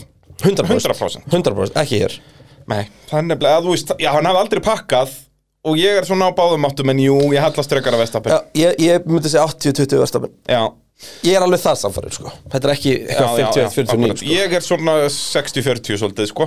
En því miður fengum við ekki svar við þessari spurningu. Nei. Kanski fáum við svar um uh, helgina. Uh, Einar Sveitn spyr, er Leclerc uh, þá búinn með uh, refsingalösu vélaskiptin í Kanada? Þú veist, Ég er bara ekki með það á hreinu Hann á vél í púlinu Já, og þetta er hann á alltaf alltaf- neini viðbútt. og málið er það, við vitum aldrei sko til dæmis blóðandi í, í, í Barcelona mm. það var eitthvað ramastami um, og við vitum aldrei þú veist, ok, þú, seg, þú segir the cause of the problem, en það þýr ekki endilega allar aflengarnar, Nei. þú veist, fór blokk Já. við fáum ekki, þú veist, lista já, Leclerc, hérna er búin að nota þrjár vélar, af því eru tvær ónýtar blokkir, Já. skilur við Eða bara er brunum gata á einum stimpli. skilur við. Akkurat, Þannig þannig að- að, hérna, þannig að við vitum það ekki um, Þannig að, en, en ég, ég hugsa, það verður ekki Kanada En þú veist, ég hugsa Ferrari fari varlega í vélaskipti Út af því að þeir munið þurfa að koma með einhvers svona reliability breytingu Og þú vilt ekki vera búin að koma með á marga vélar inn í púlið fyrir það Já. En á sama tíma eru þeir mögulega komnir í uppi vekk með vélar, þú veist, ef þetta eru tvær nýja vélar sem eru farnar og hann á bara fyrstu vélina ennþá, Já. þá er hann í vesinni sko. Já, virkilega. en hann er 100% með vélarauðsingar setna á tímbölu 100% Já, ég hugsa að hann mun ekki fá í Kanada sko, en, en það fer að styttast í fyrstu hjá honum sko. Já, hún gæti alveg komið fyrir sumafrí sko. Já. Og sést- Já, eiginlega, ég held að ég geti Ná, þó kannski ekki alveg staðfest En En svona, það, það fyrir eftir, við vitum ekki hversu mikið það er sem er En, en þú veist, uh, hann mun þá velja einhverja off-helgi Það er engin off-helgi eftir fyrir þá Það er engin off-helgi eftir fyrir ferri fram á sumafrí sko. off helgi, hvað mennur Lélebraut fyrir þá Já, já, þú mennar, nei Það er engin Monsa Nei, það er Þeir myndi engin aldrei svona- vilja taka vél á Monsa og fá refsingu og, Það er eiginlega betra samt á Monsa að fá refsingu að vera og með power veit sko. Mhm. að það skipti bara Já, menna það mm -hmm. Samt það búið erfitt að fara fram á Monsa í staðanum Ég fara alltaf það er Já. En já, höldum áram Heldur betur, eh, Mercedes eru í þriðasætti í heimsestaramótunum með 161 stig eru núna bara nálgast Ferrari í helviti mikið George Russell er þarna eins og ég segi 17 stigum eftirlega klærk í fjórðasættinu og Lewis Hamilton er sjötti með 62 stig gegn 99 stigum George Russell Russell resti fymti, endaði þriðji og Hamilton resti sjöundu og endaði fjórði og bara eins góð helgi fyrir Mercedes og úst þeir gerðu allt sem þeir gátu gert Já, ég meina miða við allt þá, þá er þetta bara frábær helgi hjá Mercedes Já, Það er þeir, bara eins og ég þannig. segi, núna gætu þeir Nú erum við að fara svona á Þeir þessar gæti meira farið- þeir gæti eðlilegu farið upp fyrir kappaksturbrautir. Ferrari í, í næstu kefni Þú veist bara þú Já, veist, bara starffræðilega En þetta. sé- þú veist, ef að þeir ná Þeir aftur eftir að- peysinu sem þeir voru með í Barcelona þá gætu þeir núna yfir sömarmánuðina nálgast Ferrari Þeir eru eftir að sökka í Kanda Já, og því að það er bara bömp í braut líka mm Mhm. munu, þannig að hún verður ógisleg fyrir á Silverstone gæti svo bara verið brautinu ég bara já, ætla, Austuríki og allt er, er þetta. ekki Silverstone beina til Kanda?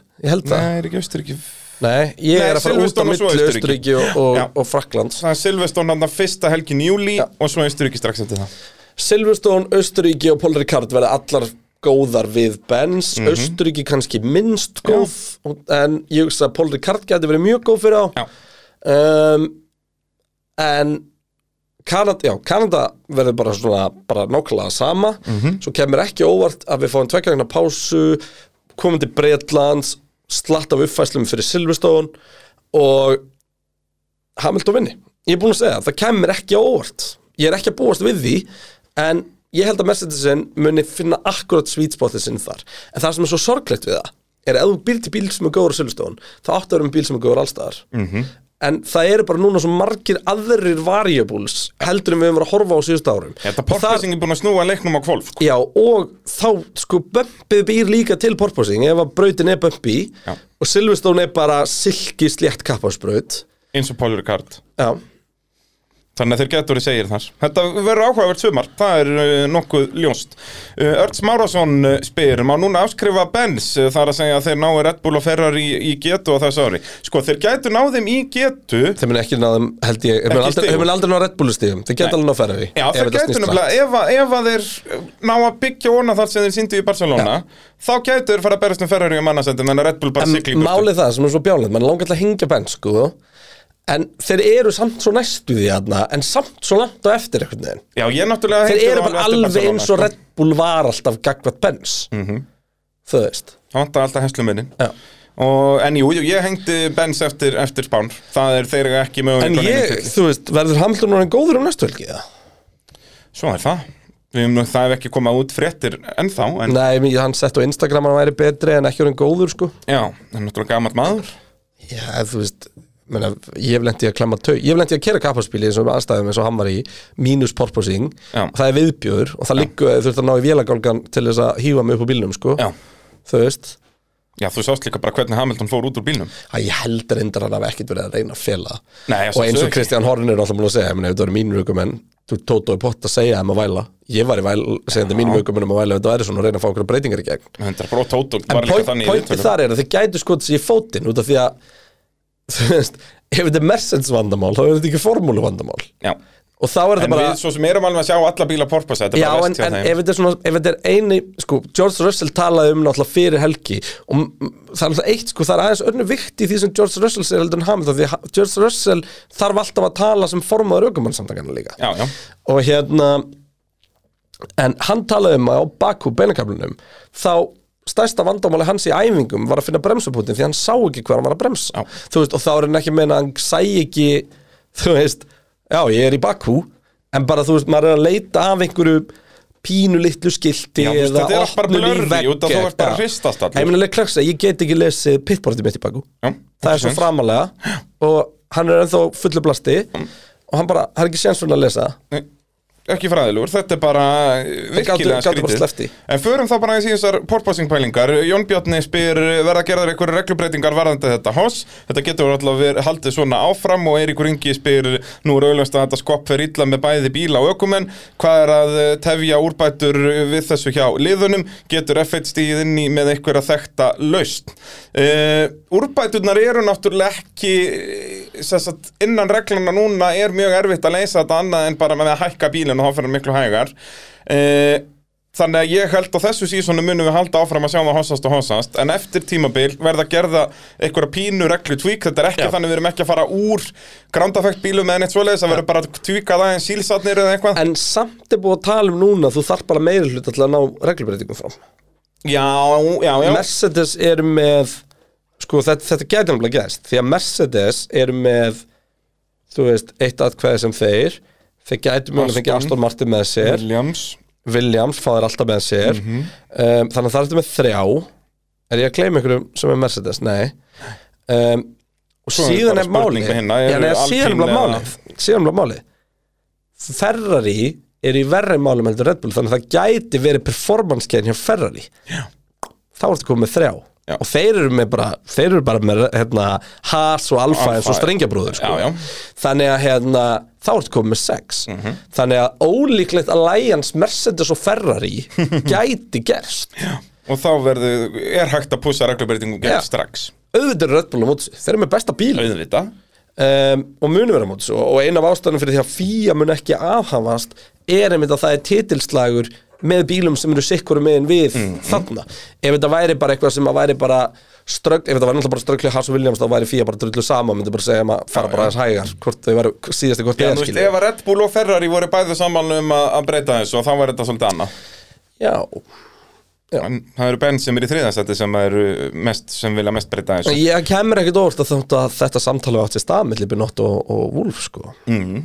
og hérna, og eins og segja, það er eina sem gæti, orð, látið það gerast að vera reglutvík og mitt tímabil en ég spáið að vera svona leiðis að eftir tímabil verði þessu breytt, út að þetta er líka bara ekkert cool að uh, hafa uh, hérna, Nei, nei, ég meina það er verið að tala um að þeir sé að fá 5-6 G á sig já, s- þú þú varst að lesa það eitthvað staðar, hvað er að frétta? Það er galið Það er bara eins og bara Maggots og Beckett's liðarfórs Já, upp á og Silverstone, niður stanslust Já. Þú veist, þú andar ekkert í þessu sko Nei, þetta er bara Og Rikki Ardó talaði um þetta, þetta væri bara eins og að vera ándjóks að vera körfubolti Og svo var Fissi og hjá einhverju liðinu sem að vildi ekki segja hvaða liðan var í frá sem að fór að tala um það að hann væri búin að sjá sem sagt nerve damage á báðum aukumönnum sínum Já.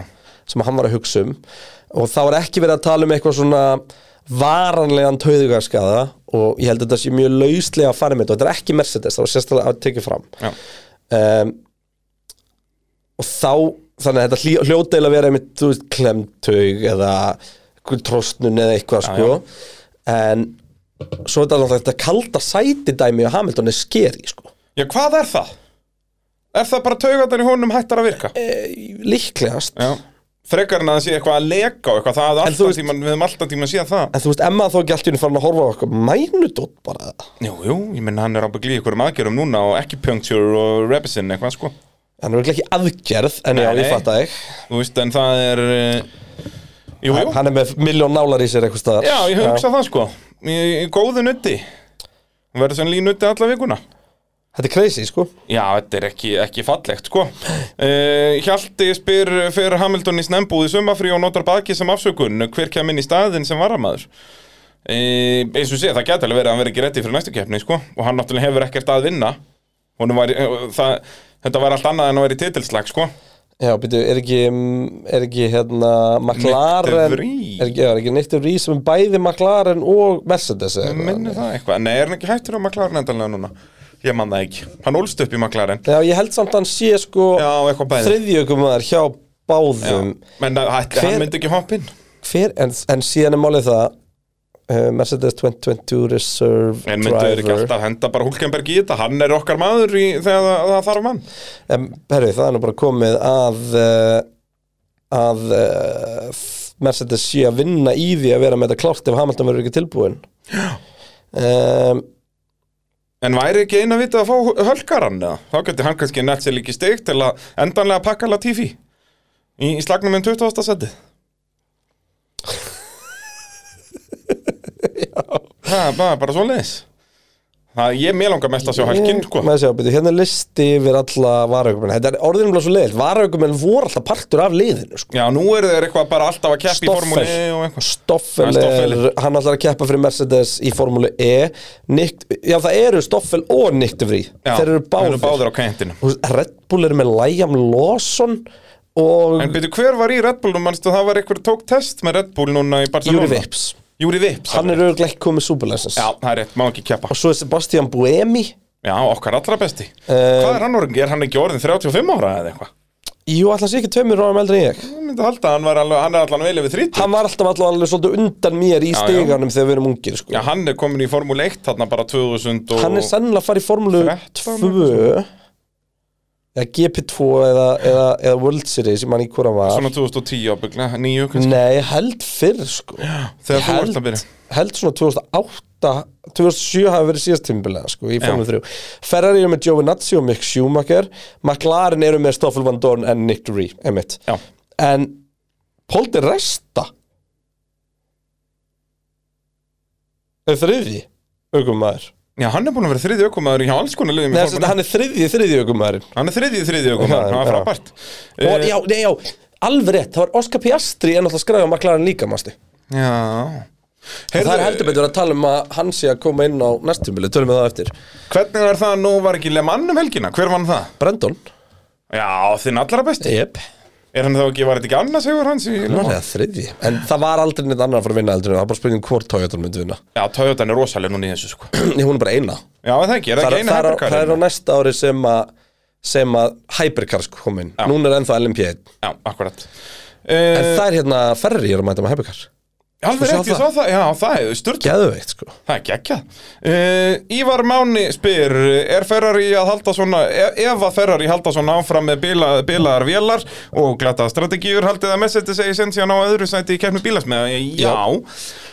Uh, allavega svona, já, það verður áhugavert yfir sumari, ef þeir græð ekki stigað á yfir sumarkeppnar, þá held ég að sé litla líkur út af síðan þú kemur Singapúr og eitthvað svona aðan í haust, en, en svo reyndar er allt frekar smúð og góða kapasitbreytir hérna í miðausturlöndunum.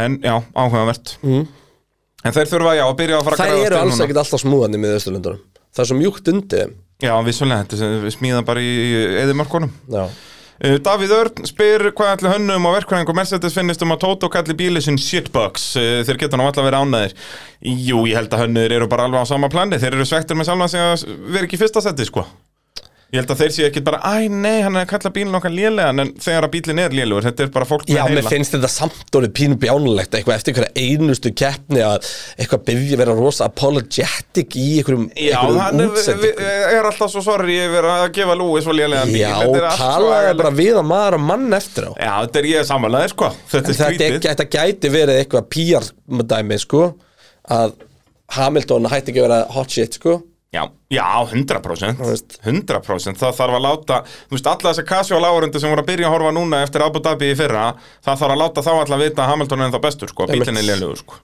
Þú veist En taland um það, uh, Hrafn Kristjánsson setti á Twitter og við fengum þetta sendt á uh, Já, ég var, tag, Facebook ég var taggaður í þessu og Já. ég- og svarið mitt var einfallega þetta er ekki, þetta er of langt svar fyrir 140 stafi Getur eitthvað raukstutt fyrir mig að Hamilton sé betri bílstjóri en Russell án þess að benda á fyrra árangur þegar Hamilton kerði yfirbyrða bíl?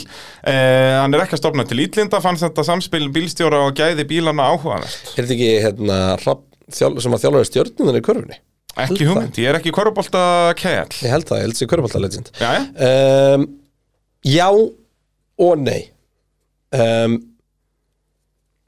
Ég meina við viljum ennþá meina að Hamilton sé betri kapasökumar en það er alltaf að verða stittra og stittra í að að hann sé ekki betri kapasökum maður í manns huga og, og hann er þannig sé ekki búin að gera neitt á þessu tíma til, til að bakka það upp það er bara, ég, veist, ég er hefur bara að hann ekki horfa bara á hann unnið að hann, gæja hefur hann ekki dóminu unnið Russell einu sinni eða?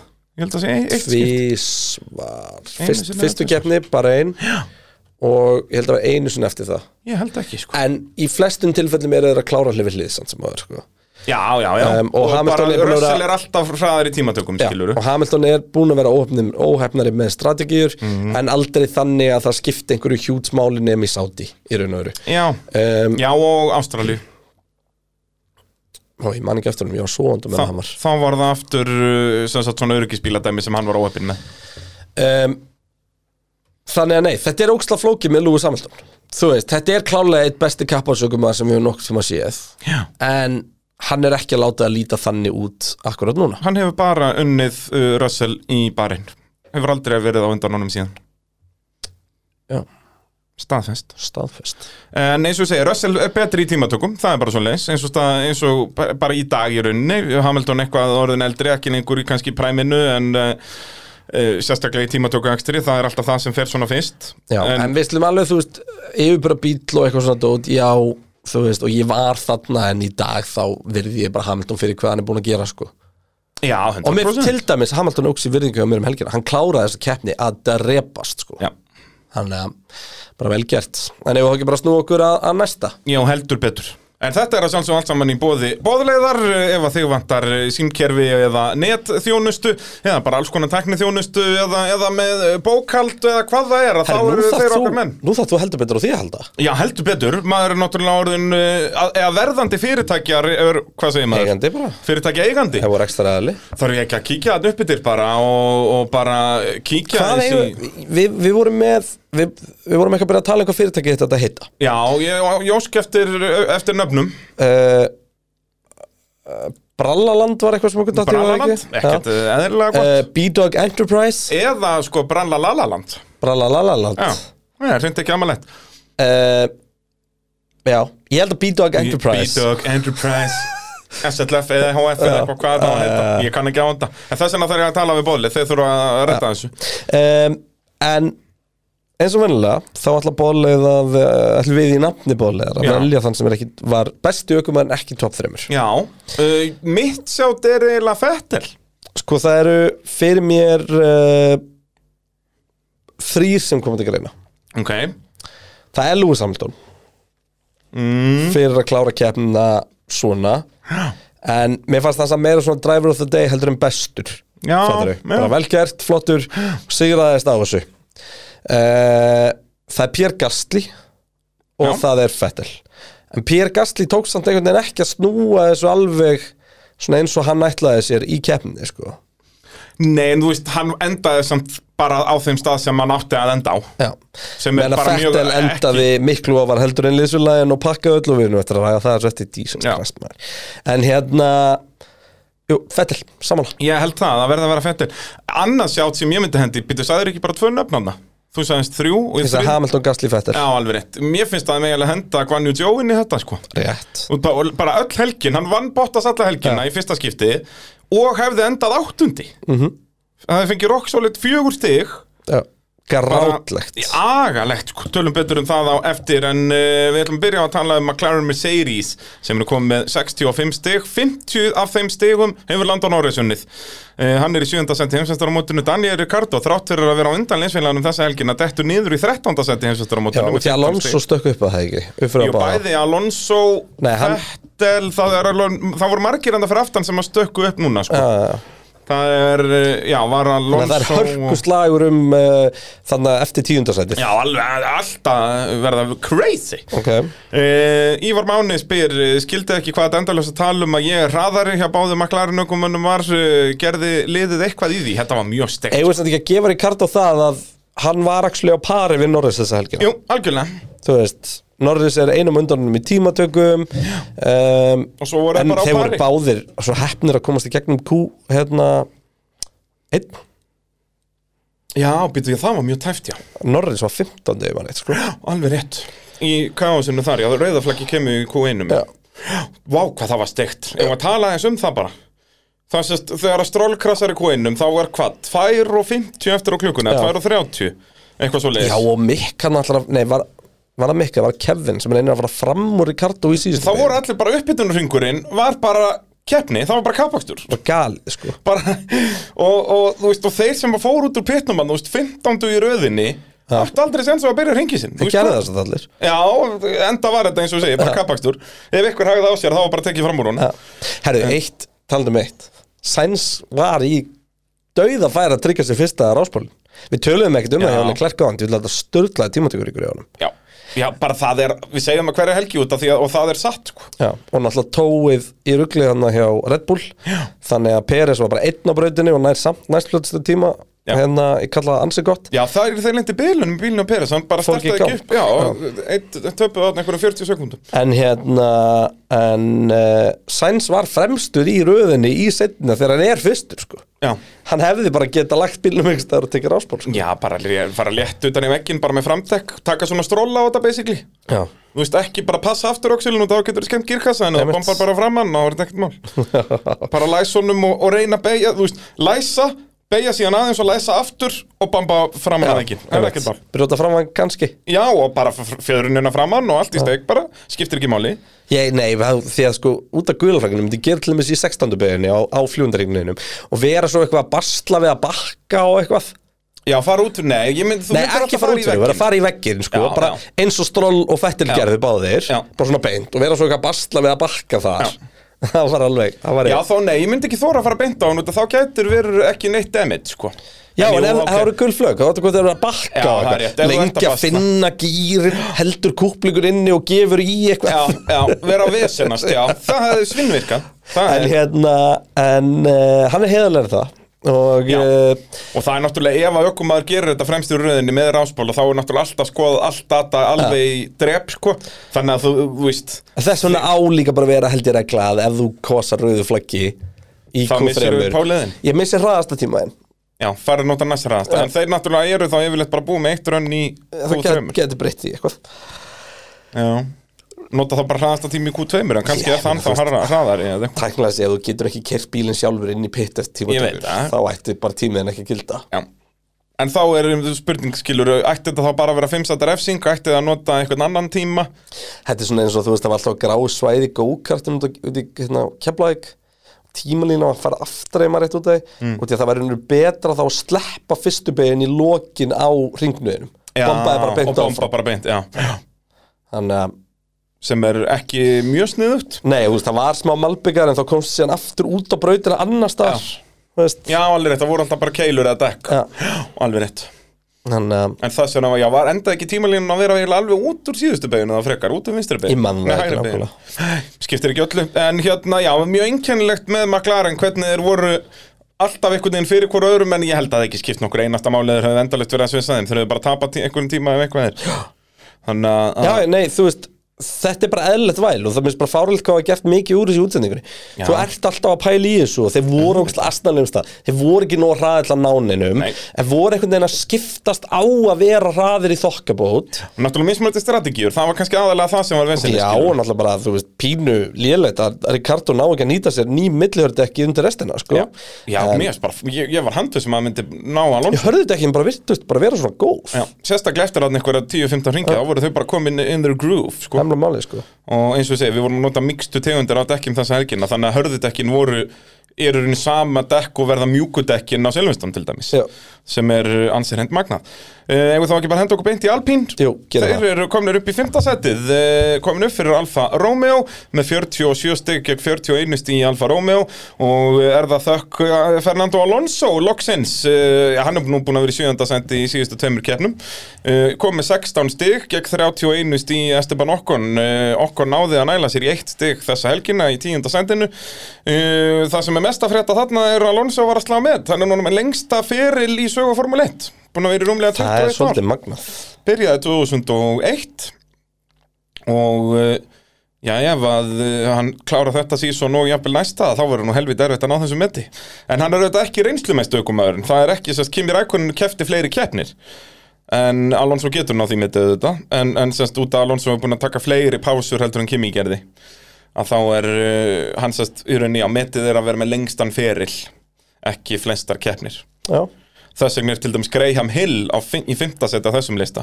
þetta hann kefti bara í ykkur 15-16 ár sem var magnað á þeim tíma þegar ökumenn voru að byrja skilur þeir allra yngstu voru að byrja kannski 25 ára en þú veist Graham Hill byrjar ábygglega 30 en Já. keppir líka bara til 45 ára og var alltaf, þú veist, hann endaði ábygglega síðustu 5 árin sín bara á okkur um ruslbílum og var bara í átöndasetti sko þá hann sé þarna uh, heimsmeistari fyrir um sko. en uh, mikill meistari samt sem aður uh, er eitthvað meira sem við allt tala um Alpín? nei, við vorum bara solid, þú veist Eh, Ég átti vona meira verið að segja Náttúrulega Alonso leit svo ógeðslega vel út í æfingunum En Alonso bara að gera eh, El- Alonso lóksist komin á sína braut í raun en núna byrjar að vinna okkur hann er hægt að lendi í þessu öllum þessum vesenum Já. og þá er hann að sína að hann sé betur en okkur eins og ég hef alltaf sagt Það er mitt uh, Alfa Romeo, þegar maður tala um þá Þeir eru í sjötta seti eins og ég Sko, segi Já Bottas nær ekki stig Nei, Joe Bottas er dettur þetta út reddetti. Joe Hann lendir Newton. í Hann lendir í einhverju vesin í Q2 var það ekki Nei, voru bara ekki hraðari Nei, já, það Svo var hann ekkert bara að frétta þeim. geggjaður í byrjunum á keppninni Geggjaður í allri keppninni Pakkaði Bottas í öllum aðingum Öllum aðgerðum Þetta var hans helgi. Þangall að bíllinn bara dó Já, agalegur hans Og með, nei, hann er þess að dó ekki Hann þurfti að keira inn í pitt Já, þetta var bara svona technical issue Já, bara, heyrðu, þú verður bara hérna Þú verður verður bara að fara komin. bara í eitthvað svona safe mode og þú dólar inn í pitt Þetta er agalegt, sko En þú Agalegt heyrðir, hann var svo, þetta var í fyrst kýtt sem ég heyrum hann svara einhverju Já. Þú veist, hann hefur meira sem er ókslega kurtist en einhver brýtur á honum Já, En, uh, þarna var Já. loksins bara anskotin já, Og skiljanlega, eins og ég segi, búin að vera að pakka Bottas alla helgina Í fyrsta skiptið um að ná því og er bara yfirleitt búin að vera frekar landa á eftir Sérstaklega í tímatökum og svona Skiljanlega, út að Bottas er góður í tímatökum já En, En- það er ekkert meira að tala um Alfa Romeo En uh, ég held að hins vegar að uh, að reka eitt onig út af því að ég tók svona þannig að þú sagðir á hann því ég held þér að þetta rátt fyrir mér mm. Gastli endaði 50, sko, ekki 10 Gastli, hvenær sagði ég að Gastli var Við varum að tíð? tala um hver var í, í topp þremur Um, Já, hann endaði 50 sko um, Já, hvað ertu að segja? ég bara segja, þú veist, hann var beint, beint á eftir Mercedesunum Um, Þegar vorum að velja hver var í bestu, bestu fyrir utan topp þrjá mhm.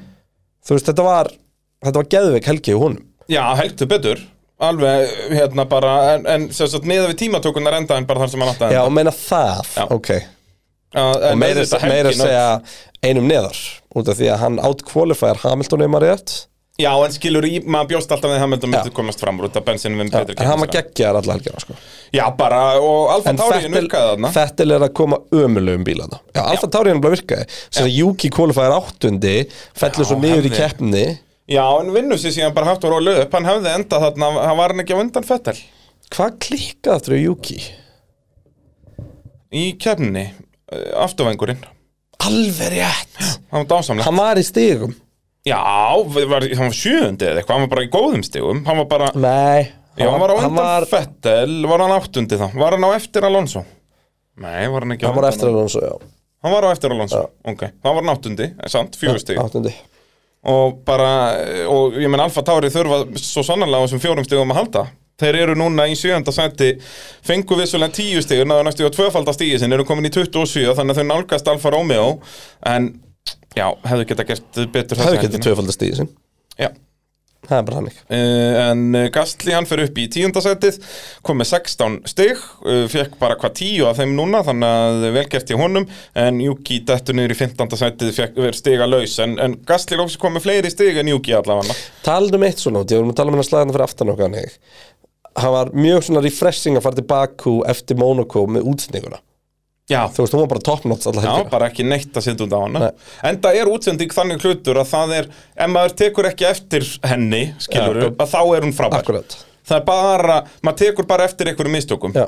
Annars, Þess vegna þykjum svo væntum hvað fólk hefur verið þú veist, duglegt að hrósa okkur ekki um tíðinu svona, þú veist, því að maður venjulega heyri bara þegar neikvægt, sko Já, já, Þú algjörlega veist, ég er ekki að segja að sé eitthvað allal daga eitthvað en Nei, það bara nei. mann þykja væntu það, sko Já, 100%, ég veit ekki hversu mörg komment ég hef fengið bara á mínum ferli bæði í motorsportinu og formúlinu er að sem byrjar á herðu, þú ert alveg frábær og þá veit Þetta er bara ég gæðveitt backhanded compliment Já, þú veist ekki, ég veit alveg og ég ger þetta sjálfur líka þegar ég er að gaggrina fólk skilur, ég byrja á að segja hversu frábært það er en maður veit alltaf hvað er að fara að koma það er alltaf, heyrðu, þú ert frábært og það gera geggjaða hluti en hérna getur þú lelelelelele, Já, já. þú veist, það er alltaf svo leiði sko. Já. og maður fær endalega svona komment ég fæ s- mjög sjaldan komment en það gerir sem betur fyrir stundum sem sagt message, ekki bara eitthvað like á Facebook eða eitthvað, skilabó bara, heyrðu, þú ert maðurinn Uh, og þarna er þetta líka að tala um munin sko frá einhverjum sem að þú ert bara eins og ég að segja þér frá einhverju skoðun og einhverju verkefni sem að Já, við já. erum að þú veist, þú færð öðruvísi kannski feedback frá mér Akkurat. þetta er meira bara svona einhverju sem langaði bara að droppa línu á þig skilur já.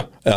eða einhvern sem hittar á förnum vegi Já, og þú veist, og þú lendir í þessu saman, skilur Þetta er bara dásamlegt uh, Við erum að sjálfsögðu bóði Viaplay uh, Dásamlegustu streymisvindu í heimi Staðfest, skjálfest og þinglist hún er krútlegust allavega svo Hún er mikið ég vel veist. krútleg, það er ótt að segja það uh, Fullt af bíómyndum og um já, þáttaröðum ég er og ennþá að dættin. láta reyna á spotlight Já, ertu búin að reyna í þriðaskiptið? nei, reyndar Hvað ekki er kurslags heila? Það er bara, það búið að sögur og sól Spotlight, ó En ég er ánægð með, hérna, ánægð með þjóðatildu útsendingarnar Já, höldu betur Fyrir utan bara að Ísland, þú veist, gerir bara jafntefli Sem er leiðilegt Já, Því og jafntefli sökka. vinnur San Marino Í, Unnum við samarinn á Já, já, það er við unnum það rock solid Já, eignum. já, já, já, já, rock í solid bara, eignum. og það gerist ekki neitt allan leikin Þetta var dásamlegt En hérna, og það sem ég var að lánaðast með er sko U21 líka og svona Já, það er, og síðan, þú veist, á næsta sísoni verð, eða sérst núna í haust er komið verið Championship, sem sagt önnurdeildin á Englandi og öll playoffin þar og eitthvað, það er s- allt uh, smekka í fótboltaðan Og svo náttúrulega bara allt, heimsins mótsport Elska það svo mikið, sko. Ég veit það. Það er bara, það er Pílan, nákvæmlega svoleiðis. Nordic Dart um helgina, Íslendingur, eða var semst núna, Já, voru þetta Íslendingur að eitthvað kepa Pre- Premier League uh, Nei, í þetta, var, darts nei eða þetta, er eitthvað. sem sagt, þetta er mót sem við að play heldur held ég Nú.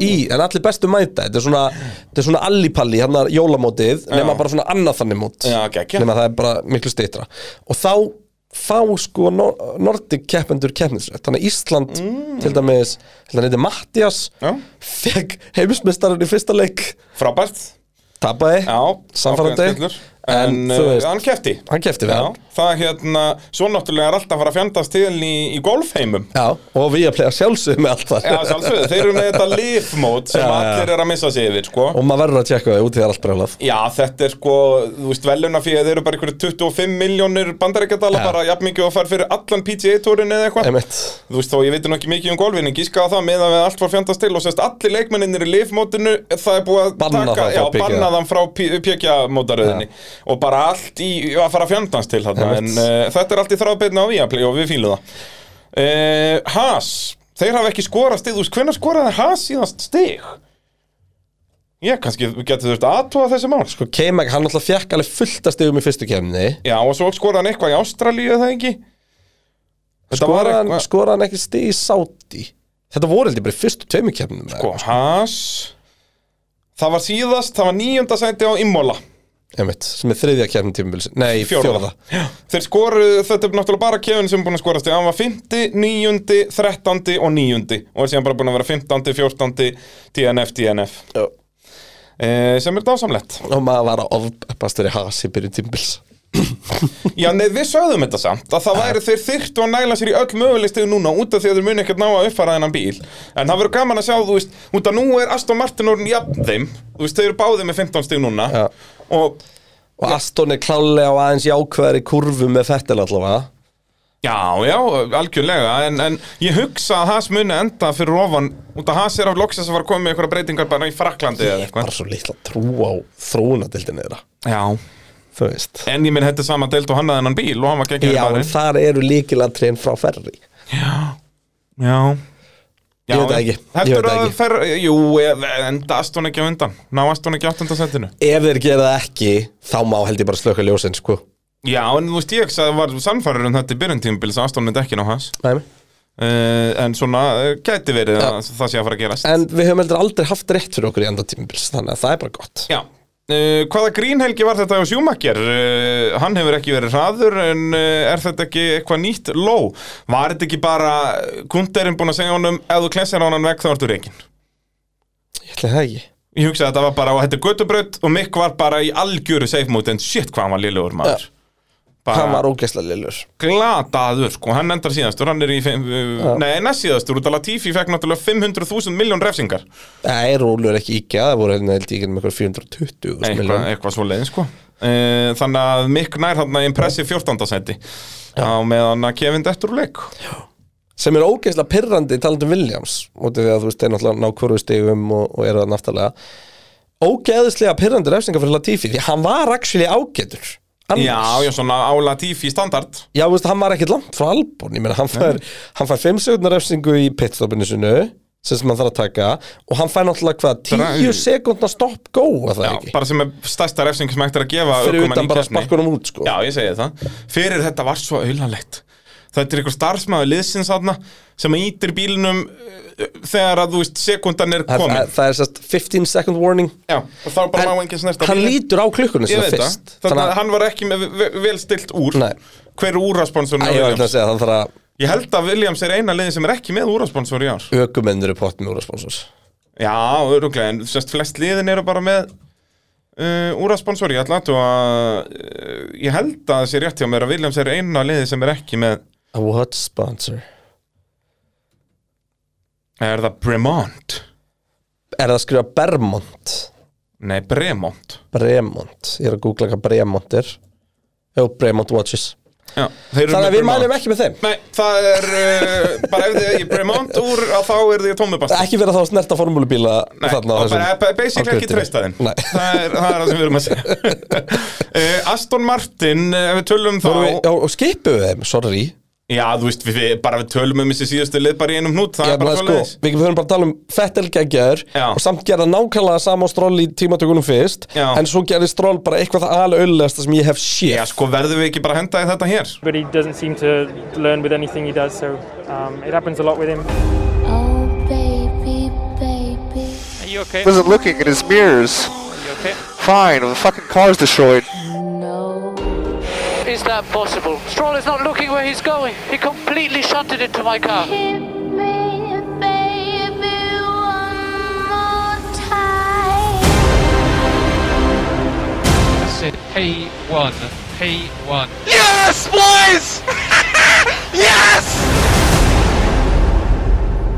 What the fuck is this dickhead doing? Jú, ég held að þetta hef bara verið vel við hæfi Ég, ég held að það sé svolítið svoleiði sko, að að nýta strolltrailerinn fyrst maður er búin að búa hann Já. til sko.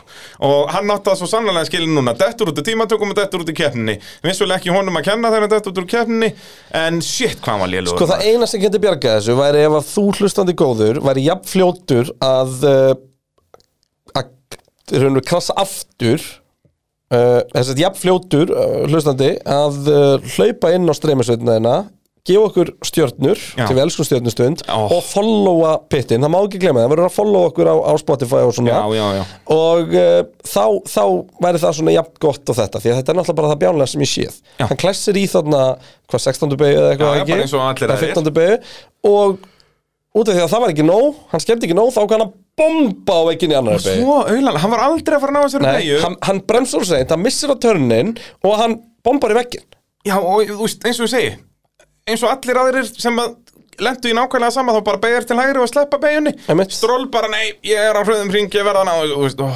og var náttúrulega búin að setja pressu á Salas og þetta fyrir hringur var svo glataður Ha. shit hvað hann er lélugur maður, og ég barasta Já, hann er svo frustrandi, ég myndi hata að hafa njögum enn liðinu mínu Já, við erum Ég alltaf að það- tala um þetta og því hann- að það koma þessi Þetta er bara magic moments. ofbeldissamband. Já, þetta er bara góðu tímanir eru svo góðir en Já. svo bara lemur á mig á kvöldin Akkúrat. Þetta er bara svoleiði stemming sko. Þetta er agalegur anskoti og bara oh, ó, æ, æ, æ, æ, æ En ha- Sebastian Vettel er allavega ekki að láta hann líta vel út bara það þannig Já, en líka við tö- töluðum um það í útsendinguna að Strollin er uh, mjög góður leysfélagi að að hafa út af því að hann er mjög góður að láta leysfélagi líta vel Já. út Það er eins og fyrir Vettel núna er mjög Æ, auðvelt við, að líta vit- vel út við vitum að Vettel er að, að gefa okkur raunverulega hvað þessi bíl getur Já.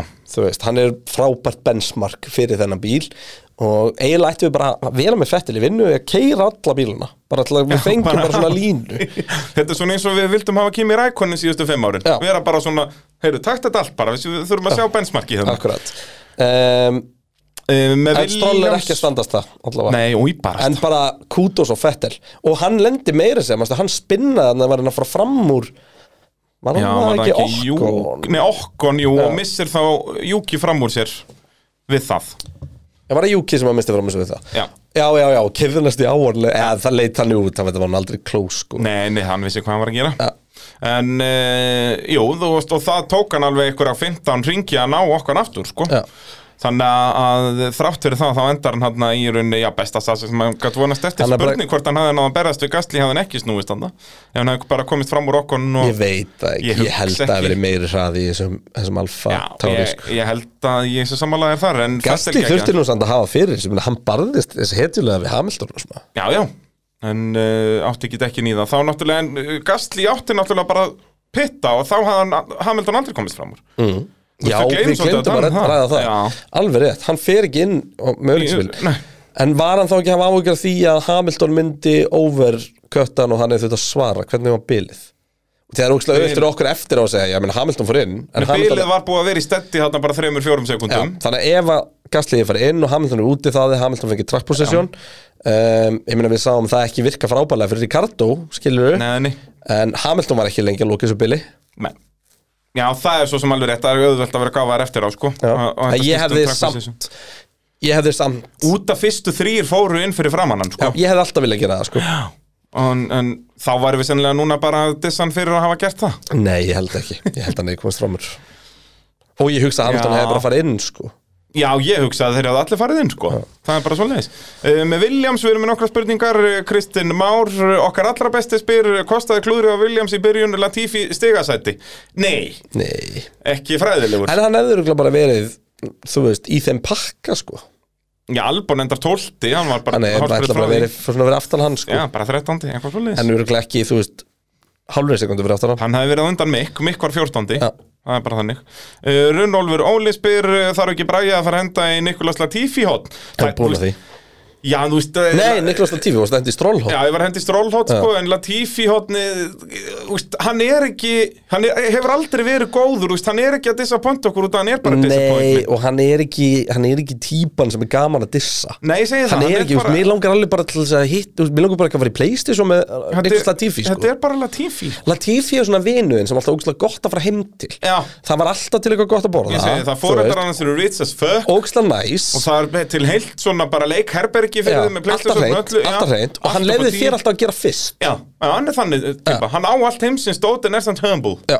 Gekkjaðan gæði, það þess vegna vil ég bara. ekkert gera grín að honum Sammála. Okkar maður, uh, og fullt af góðu kaffi en heima hjá hérna, honum. mannstu, ég rætti við í kenningu uh, um helgina mm. og baku tjöldin sem er bara, við erum sko, við, málið það, við vorum fann að hrósa Niklas Latifi undir lók sínsta tímpis Já, já. ég, mig grunar að hann hafi bara gerið coverað eftir allan skítin sem hann fekk eftir Abu Dhabi, sko því hann var alltaf bara að fá bara líflótshótanir og eitthvað vesend, sko Þannig að, þú veist, ég velti fyrir mig hvort að hann sé bara brotinn og bara muni ekkert koma tilbaka.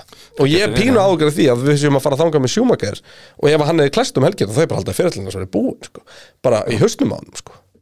Já, og bara s- kannski á Haas líka sko, þó er hefur aldrei rekkið hann á staðnum en, en það gengur ekki fyrir Haas liðið að vera eigðileggja bíl algjörlega bara aðra hverja helgi sko. Nei, það er blómálið. Uh, en jú, þetta er góð punktur með Latifi að, að, út eins og ég segi, hann var Hann var farinn að geggjaður vinna síðasta Russell tímabil. undir Já, lok já, síðasta tímabils, sko. bara mjög flottur á því sko.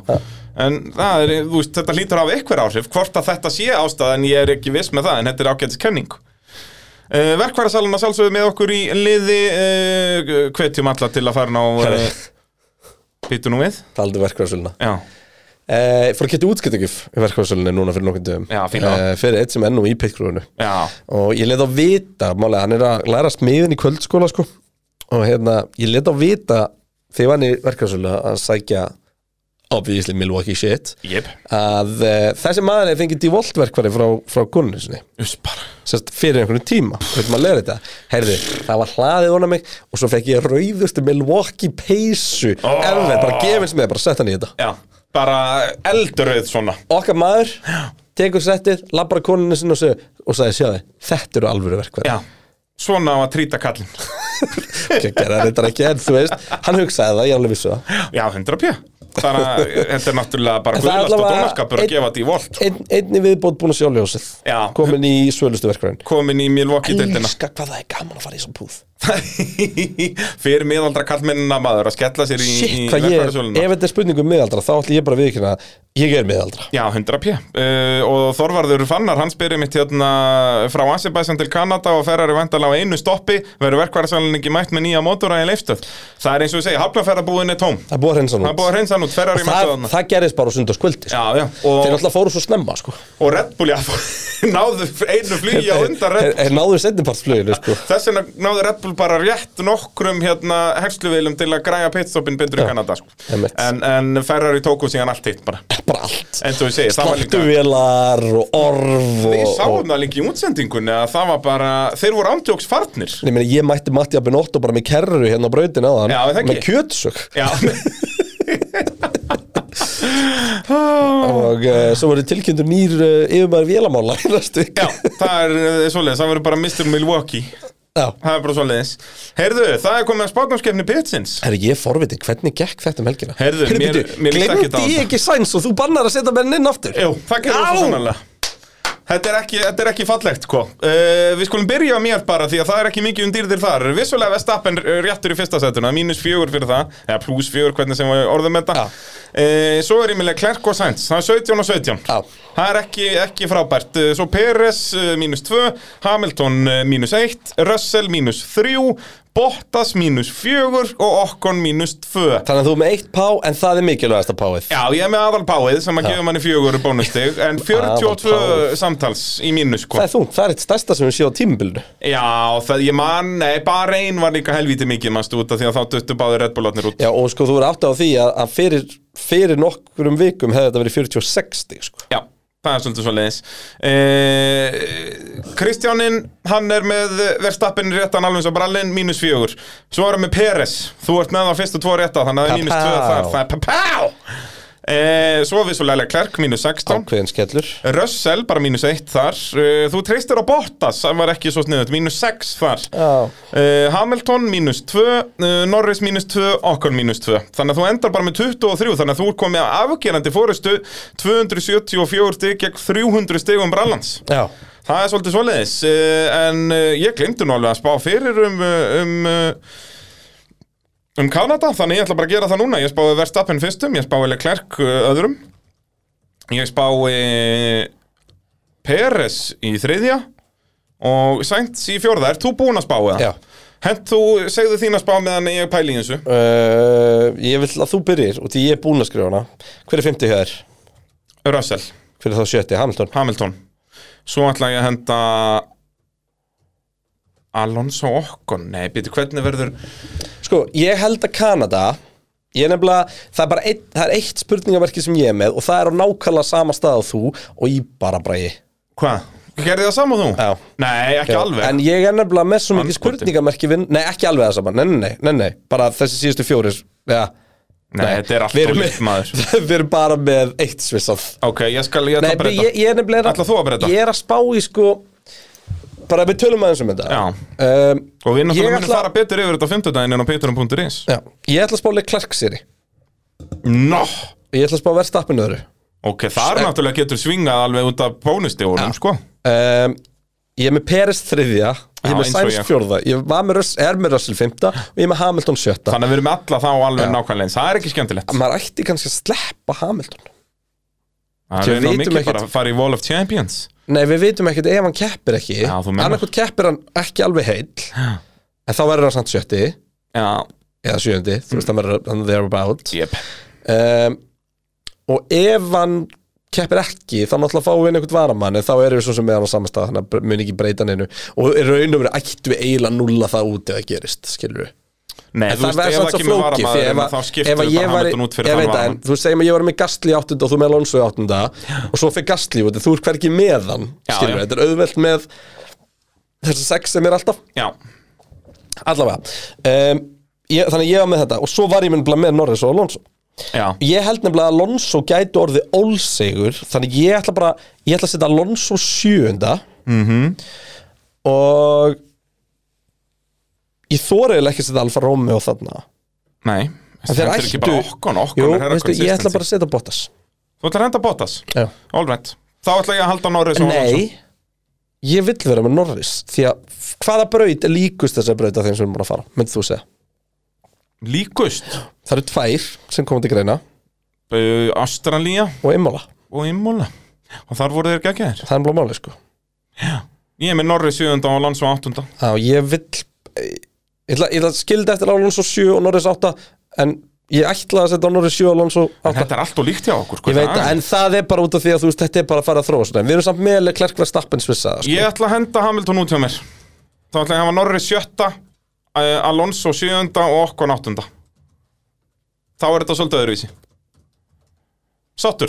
Ég var sáttum með þetta hins einn sko Já, þetta verður svona. Já, ég gaði leið upp mögulega hérna í hvernig þú vinnum mig með, með Já, þessa ég þarf á sko. Hamilton-pælingum öllum, minni. öllum stegum að halda. Ég er 26 á eftir þér. Já, sko. við tökum þessu svona Það er tökum bara þessu svona. nákvæmlega svoleiðis og við síðan förum við náttúrulega betur yfir þess að spá á, á fimmtudaginn og, og rínum í hvaða lið gætu verið Manstu því betri ég en önnur bannið um að fá að setja Sainz aftur inn og því ég glemd, Nei, ég glemd honum, ég ha- var Viljand ekki með hann Já, eitthvað svoleiðis og ég sagði hart nei Já, Já, Út af því að, og ástæðan fyrir að Viljand ekki með hann var að ég átti eiginlega vona á Sainz myndi krassi í tímatökum sko.